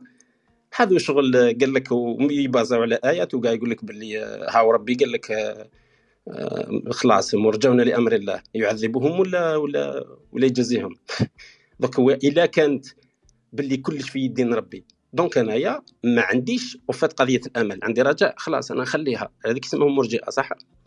donc quelque part هذا le type de de c'est-à-dire de ولا هذه l'activité mentale اللي نديروها حنايا دروك واللي عندها impact وحتى واحد ما فيريفيه مورا الموت يا إما تبعث على حياة ناشطة وتعطي القيم والخير والشر وكل شيء يا إما تبعث على الرجاء اللي قلنا عليه ويخلي واحد إنسان يقول لك لا لا نبقى أنا موضوعي برك هنا برك وهذيك الحاجة الأخرى ما تهمنيش. donc c'est bien de de différencier هنايا malgré كيسموهم امل امل c'est dommage mais لو كان زعما différencier نقول بلي كاين امل psychologique اللي نخدموا به في حياتنا اليوميه واليأس psychologique ثاني positif parce que خطرات يقول لك باللي c'est bon لازم تحبس دروك وكي تحبس راك راح تلقى حياه خير والقنوط دائما يبقى مش مليح والرجاء c'est une étape الله غالب ما, ما تقدرش ت contrôler يها تجي مورا l'action donc quelque part يبقى يبقى لنا الخدمة برك على ال niveau psychologique. بصح لو كان مثلا يكون كاين هنا عليها ونكمل سمحوا لي بطيت لو كان يكون كاين رابط ما بين الأمل اللي هو spirituel والأمل psychologique تكون خير. وأنا من هذه اللي نخاف بزاف من اللي psychologique اللي يجي يحكي لك غير على الأمل par exemple psychologique وما يربطوش مع الأمل spirituel يصرى un déphasage ويكل الإنسان إلى نفسه. وبالتالي اذا كان الإنسان يتكل على نفسه يبدأ يا إما مؤمن يا إما مش مؤمن. إلا ما كانش مؤمن عنده une chance يسلك parce que عنده عنده désespoir هو مورا الموت. إلا كان عنده l'espoir هذاك يا إما يطيح في التمني اللي كنا عليه يا إما يفهم مليح الدين تاعو باش يحفزو باش يكون plus actif ويبرهن للعالم بالتالي باللي أنه الفلسفه تاعو هي اللي الصح. والله أعلم. بارك الله فيك خونا حميد يعطيك الصحة على المداخلة القيمة. رحت لنا واحد جويه إحنا ما كناش حكينا عليهم. لكن بارك الله فيك بين اليأس والقنوط بينهما أمل عقائدي. donc يعطيك الصحة خويا حميد. نديروا برك هذا الفاصل ون- ونكملوا إن شاء الله المداخلة تاعنا. كاينة واحد ال- الكبسولة ميني كبسولة IT ولا علمية هكذا نحكيو عليها ونذكركم بالأمثلة الشعبية اللي اللي قالت لهم أختنا وهبة في هذا الصباح. قالت لك آه، آه، كيف يسموها؟ لا تخمم لا تدير لا تحمل الهم آه، ديما الفلك ما هو لا ولا الدنيا تدبر، لا تخبر لا تدبر. إيه عاود لا تخبر لا تدبر. لا تخمم لا تدبر. أيوه كمل. والله مانيش مانيش آه، حافظ كنت. معاكم هذه كنت قلت إيه خلاص مالك آه، عندك ذاكرة ما شاء الله. donc لا تخبر هي قالت لنا لا تخمم أنا كتبت. لكن آه، لا, لا تخمم لا تدبر. لا تخمم لا تدبر. خلاص مال هذيك هي صح. لا تخمم لا تدبر. أنا واش قلت؟ قلت يمكن كلمة واحدة أخرى. ثاني كاتب تدبر هنايا صح؟ لا تخمم لا تدبر. لا تحمل الهم ديما الفلك ما هو مسمر ولا الدنيا لا تحمل الهم ديما الفلك ما هو مسمر. ولا الدنيا مقيمة هكا قال. قيمة هذه هي exactement كيما أنت أيوب. بارك الله فيك راه عندك ذاكرة ما شاء الله. donc exactement أنا déjà كاتبها بصح كاتبها بالخلا- بالخلوطه هي معليش نطقتها بالدارجة وأنا كاتبها بال الفرق بيني وبينك عبك شنو هو؟ هو هو أنني سمعت لهذا المثل عدة مرات أنا. آه خلاص ما لا صح. يا يا. لا أنا كتبتها بال, بال... طبعا. قلت بالدارجة وهي مكتوبة بصفة واحدة أخرى. donc آه، بارك الله فيك. يعطيك الصحة. donc هذا المثل وكانت آه، ذكرت لنا واحد الامثله واحدة أخرين آه، نخلي يمكن بعدين اختنا وهبه تعاود تذكرنا بهم. نديروا برك فاصل ون... ونعاودوا نكملوا الدردشة تاعنا في هذه الصباحية حول محور الأمل.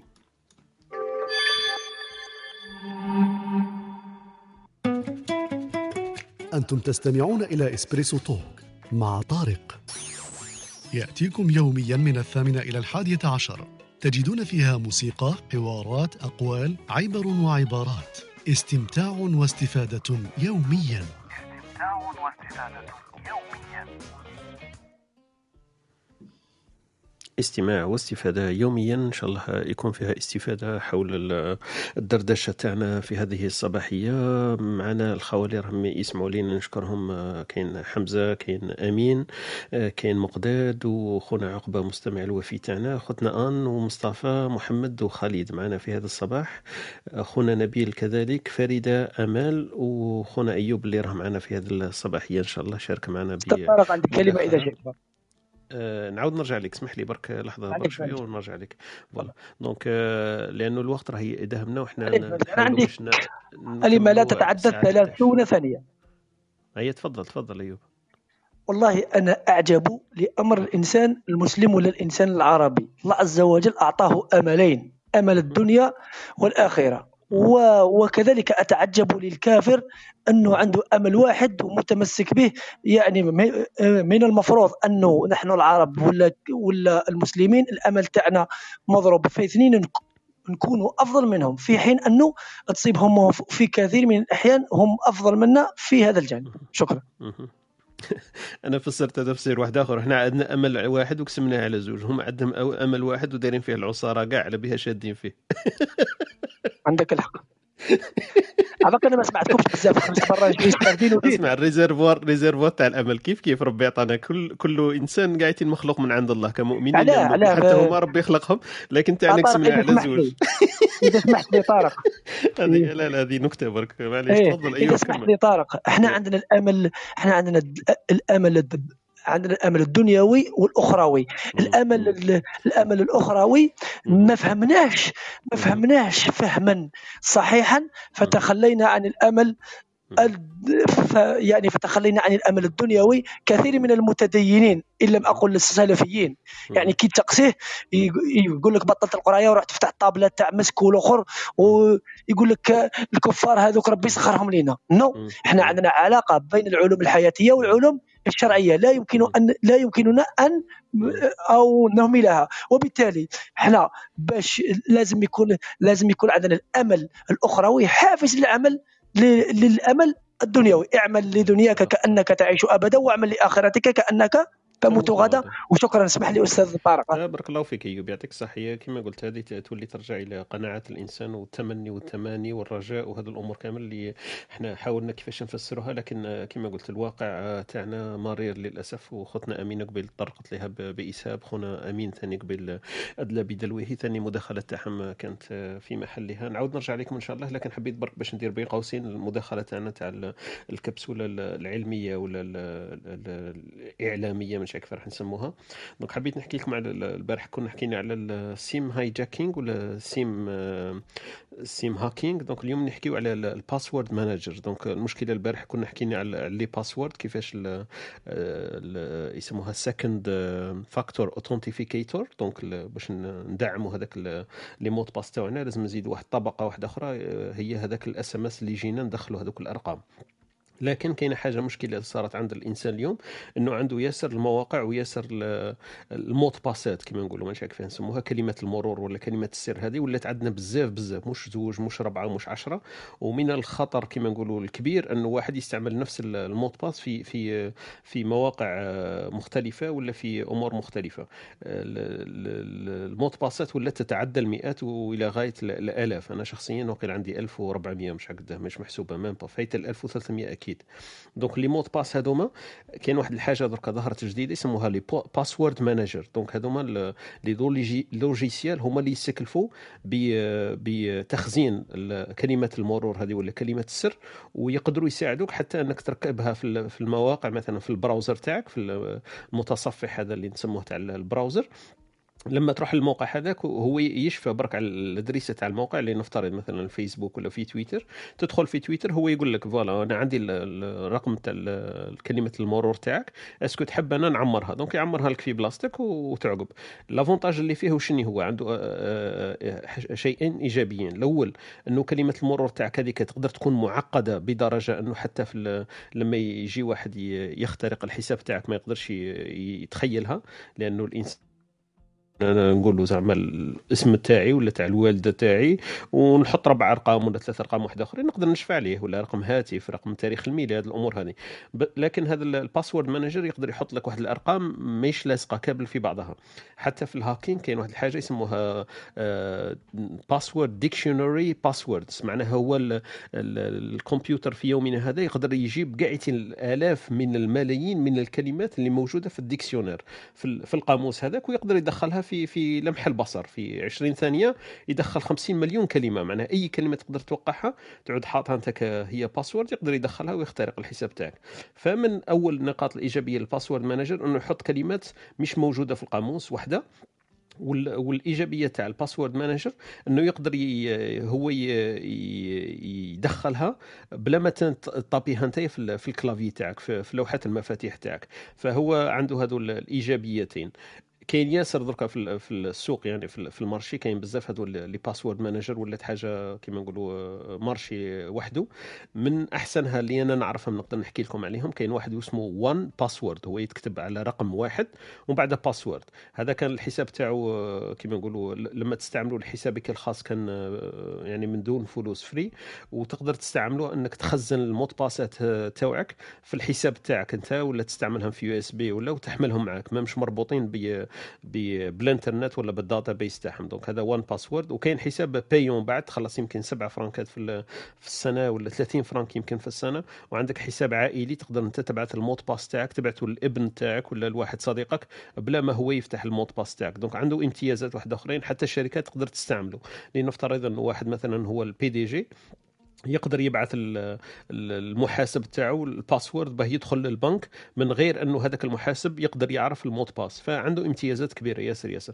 خاصة في الشركات اليوم هذا ولاو يستعملوه ياسر لأنه الناس اللي لازم لها تعرف ال password ات لازم ولاو ناس كثيرين ما تقدرش تامن بواحد برك تعطي له ال mot de passe وتقول هذاك صاي. لأنه هذاك ال- اللي راهو يخدم الموظف هذاك اللي يخدم معك اليوم قادر بعد شهر يغادر الشركة وعندك مشكل لأنه ال mot de passe عنده هو. فهذا ال- ال password manager عندهم امتيازات كبيرة بزاف. هذا ال logiciel الأول اللي حكيت لكم عليه واسمه 1Password الثاني اللي معروف ياسر ومشهور واسمه LastPass LastPass هذا ثاني مشهور بزاف وعندهم حسابات free تقدر تستعمله آه، ببلاش ويساعدك في آه، في تخزين آه، كلمات المرور. وكاين واحد آخر واسمه Bitwarden هذا Bitwarden آه، اشتهر في الوقت التالي لأنه تقدر تستعمله في آه، في ال iPhone في ال tablettes في ال PC في ال Linux في اي بلاصة donc مشهور بزاف. وعندهم ال advantage دائما إنك أنت تقدر تحافظ على les mots de passe تاعك ال database هذيك تاعك أنت تقدر تخزنها عندك. إذا عندك NAS server donc إذا عندك server آه، في بيتك ولا في الشركة تاعك أنت اللي تحافظ على ال database تاعك. وآخر واحد آه، الناس اللي يستعملوا يمكن Linux كاين واحد كان مشهور بزاف يسموه KeePass KeePass هذا يتكتب K E E ومن بعد pass donc KeePass هذا ثاني open source ومشهور ومعروف منذ القدم. فحبيت برك أنا نذكر خاوتي اللي يمكن عندهم هذا المشكل تاع اللي ما يشفاوش على les mots de passe. ويقول لك باللي عندي mot de passe لكن نفس ال mot de passe نستعمله في مواقع آه، مختلفة. فهذا أكيد مش منصوح به. donc يفضل أن يستعمل password ات مختلفة. لكن عندنا المشكل أنه كاين ياسر المواقع وياسر الحسابات فما نقدروش نشفعوا على ال pass ات كلهم وما نقدروش ننوعوها بطريقة أنه تكون صعبة ال- الاختراق. لازم على الأقل 16 إلى 25 caractères donc آه، وتكون مختلفة حروف كبيرة حروف صغيرة آه، تكون فيها هذيك الاشارات تكون فيها الأرقام.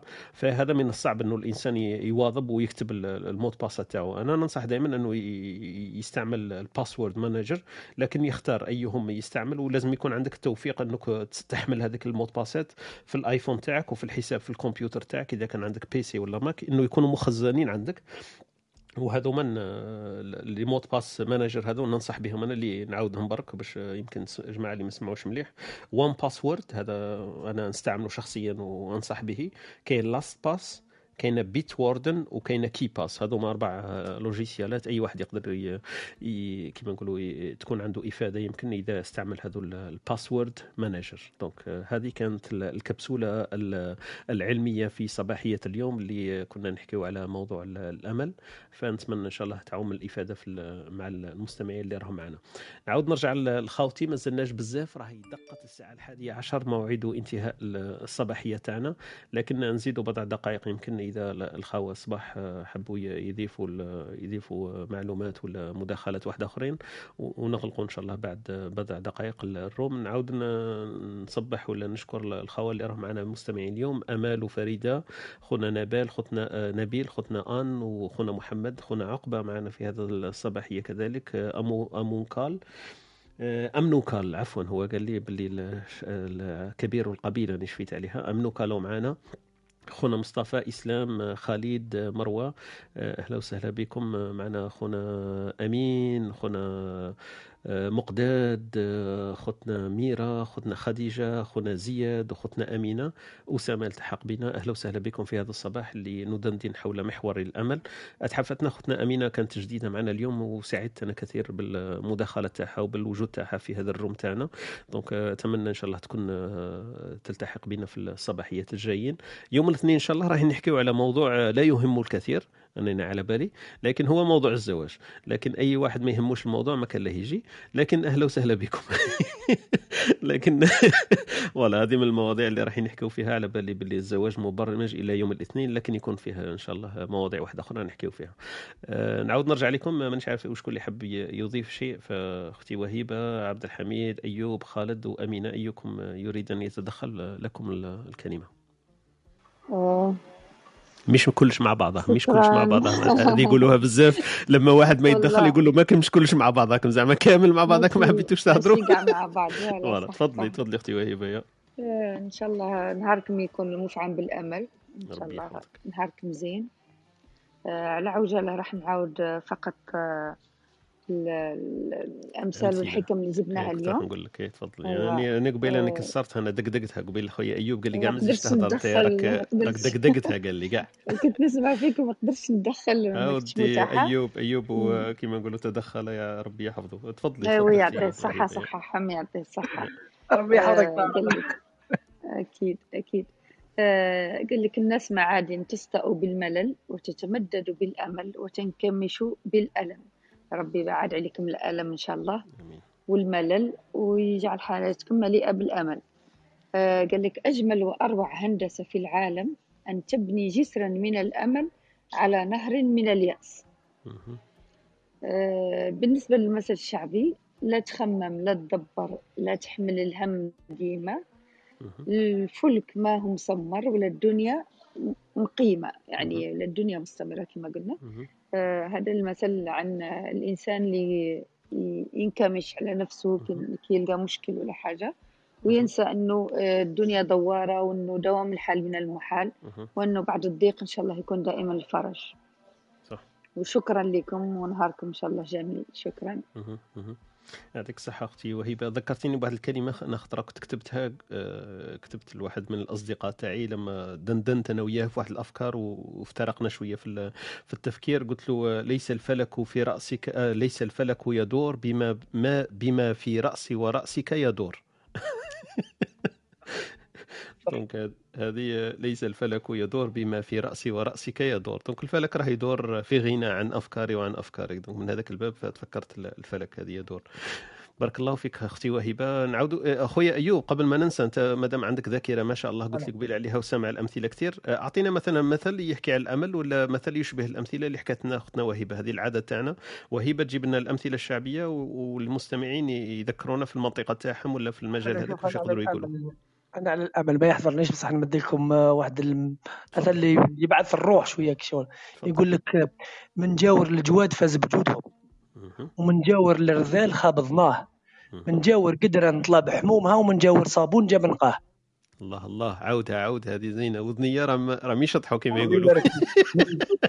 عاودها نشوف من فضلك. من جاور الجواد فاز بجودهم. ومن جاور الرذال خاب ظناه من جاور قدره نطلع بحمومها ومن جاور صابون جاب نقاه ربي يحفظك وإن شاء الله تكون وإن شاء الله تكون صابون أنت معنا ربي يحفظك. ان اللهم الله آمين. ونزيد, ونزيد لك مثل واحد آخر. يقول لك آه، سافر تعرف الناس. وكبير القوم طيعوا. كبير الكرش والراس وبنص فلس بيعوا. ما شاء الله. نزيد لكم واحد آخر هذا التالي. تفضل. وخلاص تفضل خلاص اليوم آه، شديتنا ه- معك تفضل. آه، هذا نستخدمه هذا هذا نستخدمه بالاثنين إن شاء الله إلى إلى كنا مع بعض أهلا وسهلا أهلا وسهلا. يقول. لك لا يعجبك نوار الدفلة في الواد داير الضلايل على خاطر أو الدفلة ما فيها حتى فايدة مرة أصلا ما ما فيها حتى فايدة. لا يعجبك دو... لا يعجبك نوار الدفلة في الواد داير الضلايل ولا يعجبك زين الطفلة حتى تشوف الفعايل. صح. على خاطر. هذا هذا هذا صح. هذا كنا ديجا جبدناه مع أختنا وهبه في مقال واحد آخر ما نعرفوش من موضع جبدناه ولكن هذا هذا مر هذا علي تاع هذا على حميد عكس هذا الأولين هذوك. جابوا لكم حميد أيوه صح يمكن حميد. لازم نهار الاثنين نحطموا هذا نهار الصنم. الاثنين هذا نوجدهم هذو كاع حميد لا لا هذا الصنم هذا لازم نحطموه نهار الاثنين هذا هذا حميده وجاي جاي معاه ال- المسيطه ولا المارطة ولا ما وكاين نعرف راح يحطم. و- وكاين بعض الأمثلة تحطم المعنويات. دير كيما دار جارك ولا حول باب دارك. علاه يا خويا ما نديرش كيما هو.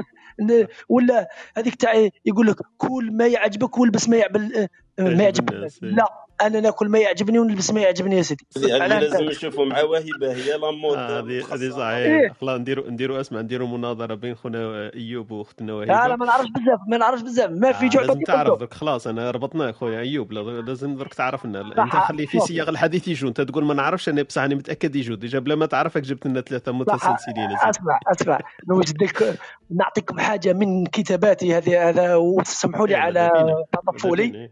آه، باه شوية نضحكوا برك تفضل يا يقول أيوب. قصة لازم تسمعوها حوار بنت مع باباها. ماني عارف من نبداها فيدوني بالرأي الزين. قالت يا بابا زوجني ابراجل لازم يفهمني يفحششني ويقلشني ولكل البلدان يديني. لازم يكون مولا دراهم معليش حتى وما يكونش فاهم بلسانه أنا نتكلم مع الوقت راهو يتعلم في مهري نشرط إيبيزا وفيلا في بلاصة عزيزة من الأورو يجيب لي فاليزا وخلاص ما نقويش عليه. باباها يا بنتي بزاف عليك شوفي راجل يصلح ليك يحبك ويحافظ عليك تبني الدار انت وياه. يعيشك عيشة كريمة يصونك ويدير لك قيمة ياك الراجل كلمته وكلمة اخذك من هذه الأوهام. قالت يا بابا أنا بنتك. هذا شرط يدبر راسك. ياك أنا مسؤولة منك هذا الشيء واجب عليك. قال لها حلمك هيهات بنتي يا زينة البنات في حياة المسلسلات عيشي في الواقعيات. قالت يا بابا خليني نفكر في كلامك. لازم نتدبر. خايفة إلى فيا تتطفر وحياتي ما تعود حياة.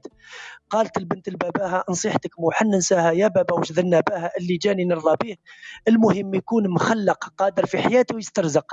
ياك أنا ما نحبش نطلق اولادي يعيشوا هنا ولهيه يا البنات أيوب يدعي لكم ربي الكريم يفتح عليكم وتعيشوا اسعد أيامكم بالحب والطاعة والدين آمين أجمعين. بارك الله فيك. آه، أخويا بارك الله فيك. أيوب هذا هذا كان فاصل إشاري الحصه أيوة. تاع نهار الاثنين على بالك. أيوه. أيوه. بارك الله فيك خويا أيوب. أنا والله عجبوني. الجماعه كاع طارق وهيبة خالد حميد الم- ما شاء الله. يعني. آه، نفرح نهار نكونوا ناس هكذا ويت- ويتحلوا بنفس هذا الروح. ربي يحفظك إن شاء الله ربي يسترك خويا أيوب. ونقول لك إحنا الحصة تاعنا مسجلة. donc رانا دايرين هذيك ال rec معناها مسجلة. ويعاد البث تاعها في البودكاست تاعنا. الموقع تاعنا هو ستوديو تيري تي dot FM. وكاين معناها الكلمات اللي لقيتها إن شاء الله تبقى محفوظة. وسوف تحفظ إن شاء الله إلى إلى أن يرث الله الأرض وما ومن عليها. بارك الله فيك. ربي يحفظك إن شاء الله. يحبكش واحد يديها ولا يحبكش واحد هو حر هي هي هي كلمات أيوب وتبقى لأيوب. لا لا لا لا سمعناها أول يحب مرة من يستخدمها أيوب يعني. ف ربي أسمع يسترك إن شاء الله. يحب يستخدمها يحب يدير لها مونتاج يستخدمها هو بصوته يحب هو حر هو حر هي بارك للجميع. الله فيك بارك الله فيك للجميع. هذا من إحنا المهم الفائدة تعم ربي يحفظك إن شاء الله. لا لا كلمات معبرة وف- وفي القمة وفي وكما نقولوا من الواقع وفيها مغزى وفيها معنى. ربي يحفظك إن شاء الله أيوب. آمين. وأنا سعدت بلقائكم على كل حال. يسترك ربي يسترك إن شاء الله. نشوف إلى أخوتنا حابين يديروا مداخلات ولا نعاودوا يمكن نديروا نفوتوا ال- الكلمة الختامية تاع كل واحد. ما نعرف إلا كاين كش ما تضيفوا. مطلوب بشدة على الاثنين إن شاء الله. أكيد أيوب أنا عرفته صاي دعوة دعوة اوفيسيال قالش الآخر وشنو هي؟ كاين حاجة على بالك بلي؟ إن شاء الله.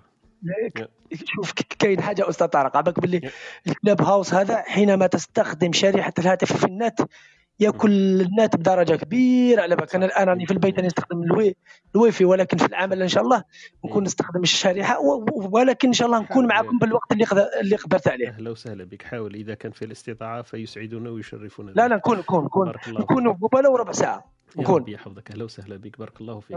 ربي يمكن يبارك فيكم.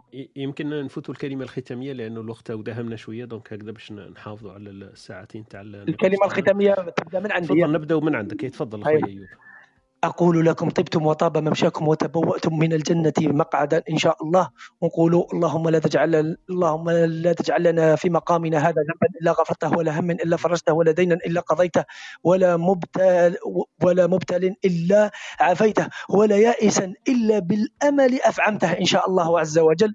ونقول لكم آه، فرحت بزاف وربي يجعلنا إن شاء الله إن شاء الله ربي يجعلنا في جنة النعيم مع بعض إن شاء الله ونتلاقاو. وربي إن شاء الله آه، إن شاء الله نتعارفوا تعارف واقعيا وليس افتراضيا فقط. إن شاء الله ل- ل- لأنه يقول لك معرفة الناس كنوز وأيوب وأيوب ثرثر بزاف شوية. السلام عليكم ورحمة الله وبركاته. بارك الله فيك.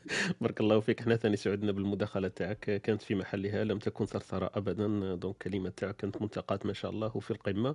بارك الله فيك وسعدنا باللقاء تاعك. نفوتوا يمكن لأختي وهبه أختي وهبه كلمة ختامية في هذه الصباحية.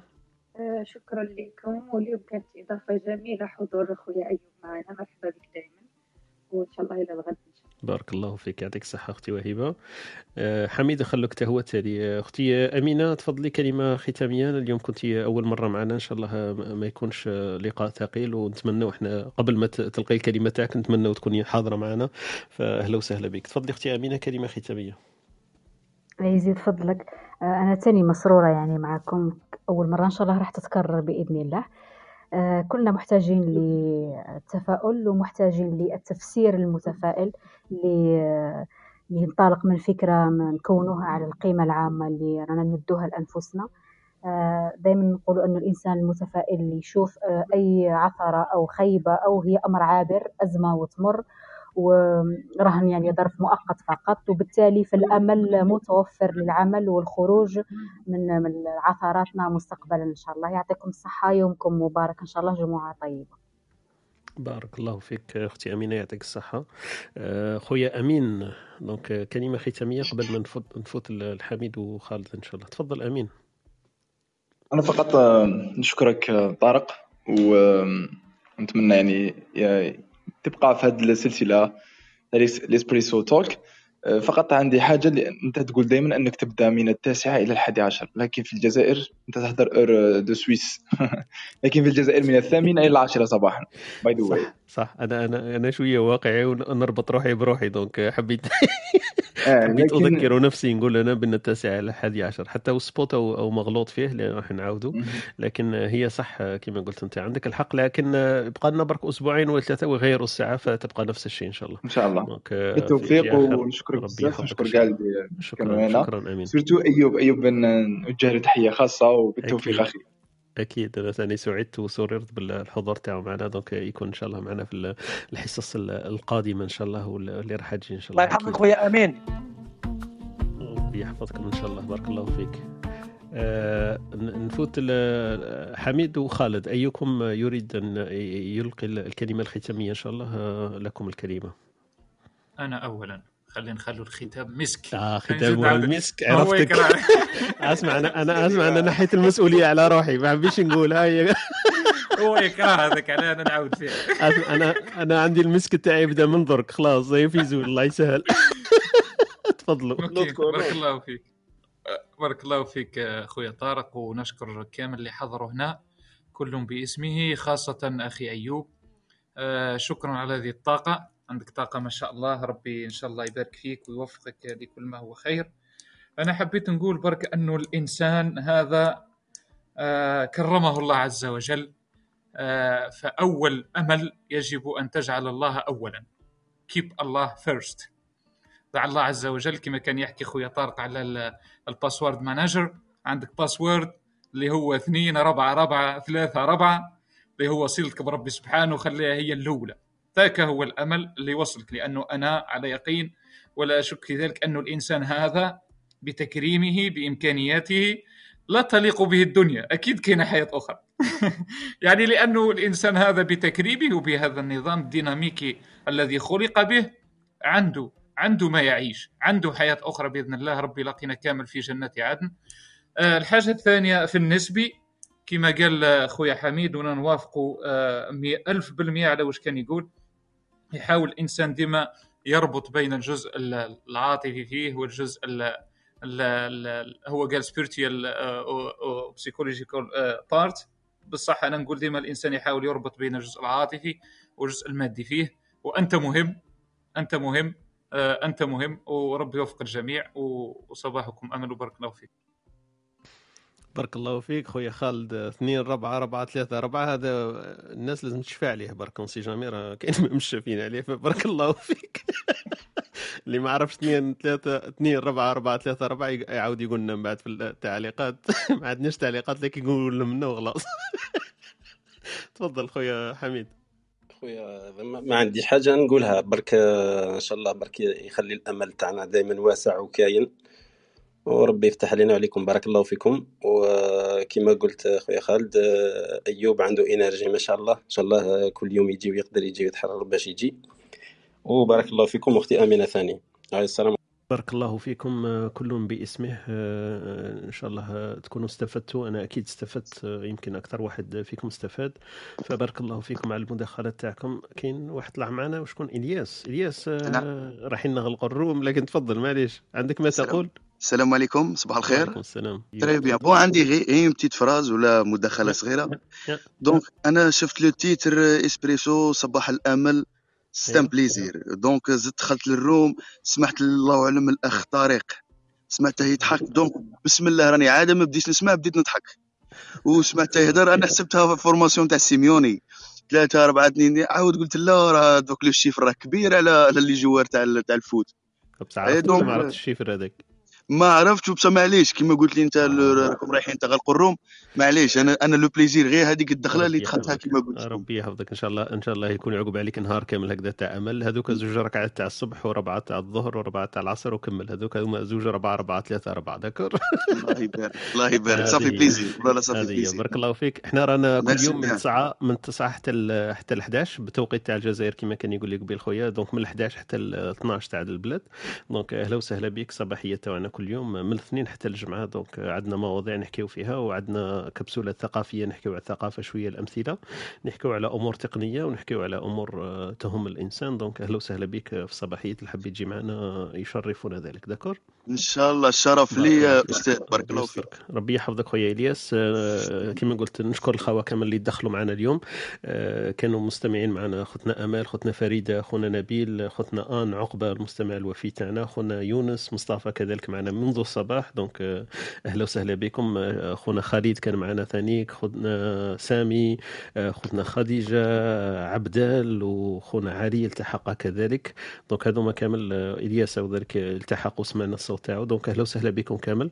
نشكر خويا أمين خويا خالد خويا عبد الحميد وخويا أيوب كذلك وأختنا أمينة وأختنا وهبه donc كلهم باسمه وإن شاء الله تكونوا استفدتوا. أنا استفدت كما قلت لكم ونلتقي إن شاء الله في يوم الاثنين حول محور واحد اخر ندندن حوله إن شاء الله ويكون آه، كما قلت لكم آه، موضوع الزواج. ما تضحكوش؟ بصح هذاك اللي كان نحكيو شوية على أبواب يمكن الناس ما تحكيش عليها بزاف ولا أمور آه، هكذا تهمنا في مجتمعاتنا الشرقية العربية ونحكيو عليها من أمور فلسفية أكيد ومن أمور آه، واقعية أمور آه، أدبية وفي هذا ال- المحور ندندن إن شاء الله.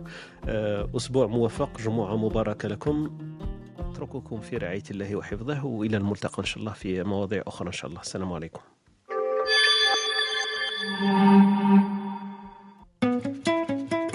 أنتم تستمعون إلى إسبريسو توك مع طارق. يأتيكم يوميا من الثامنة إلى الحادية عشر. تجدون فيها موسيقى، حوارات، أقوال، عبر وعبارات. استمتاع واستفادة يوميا. استمتاع واستفادة يوميا.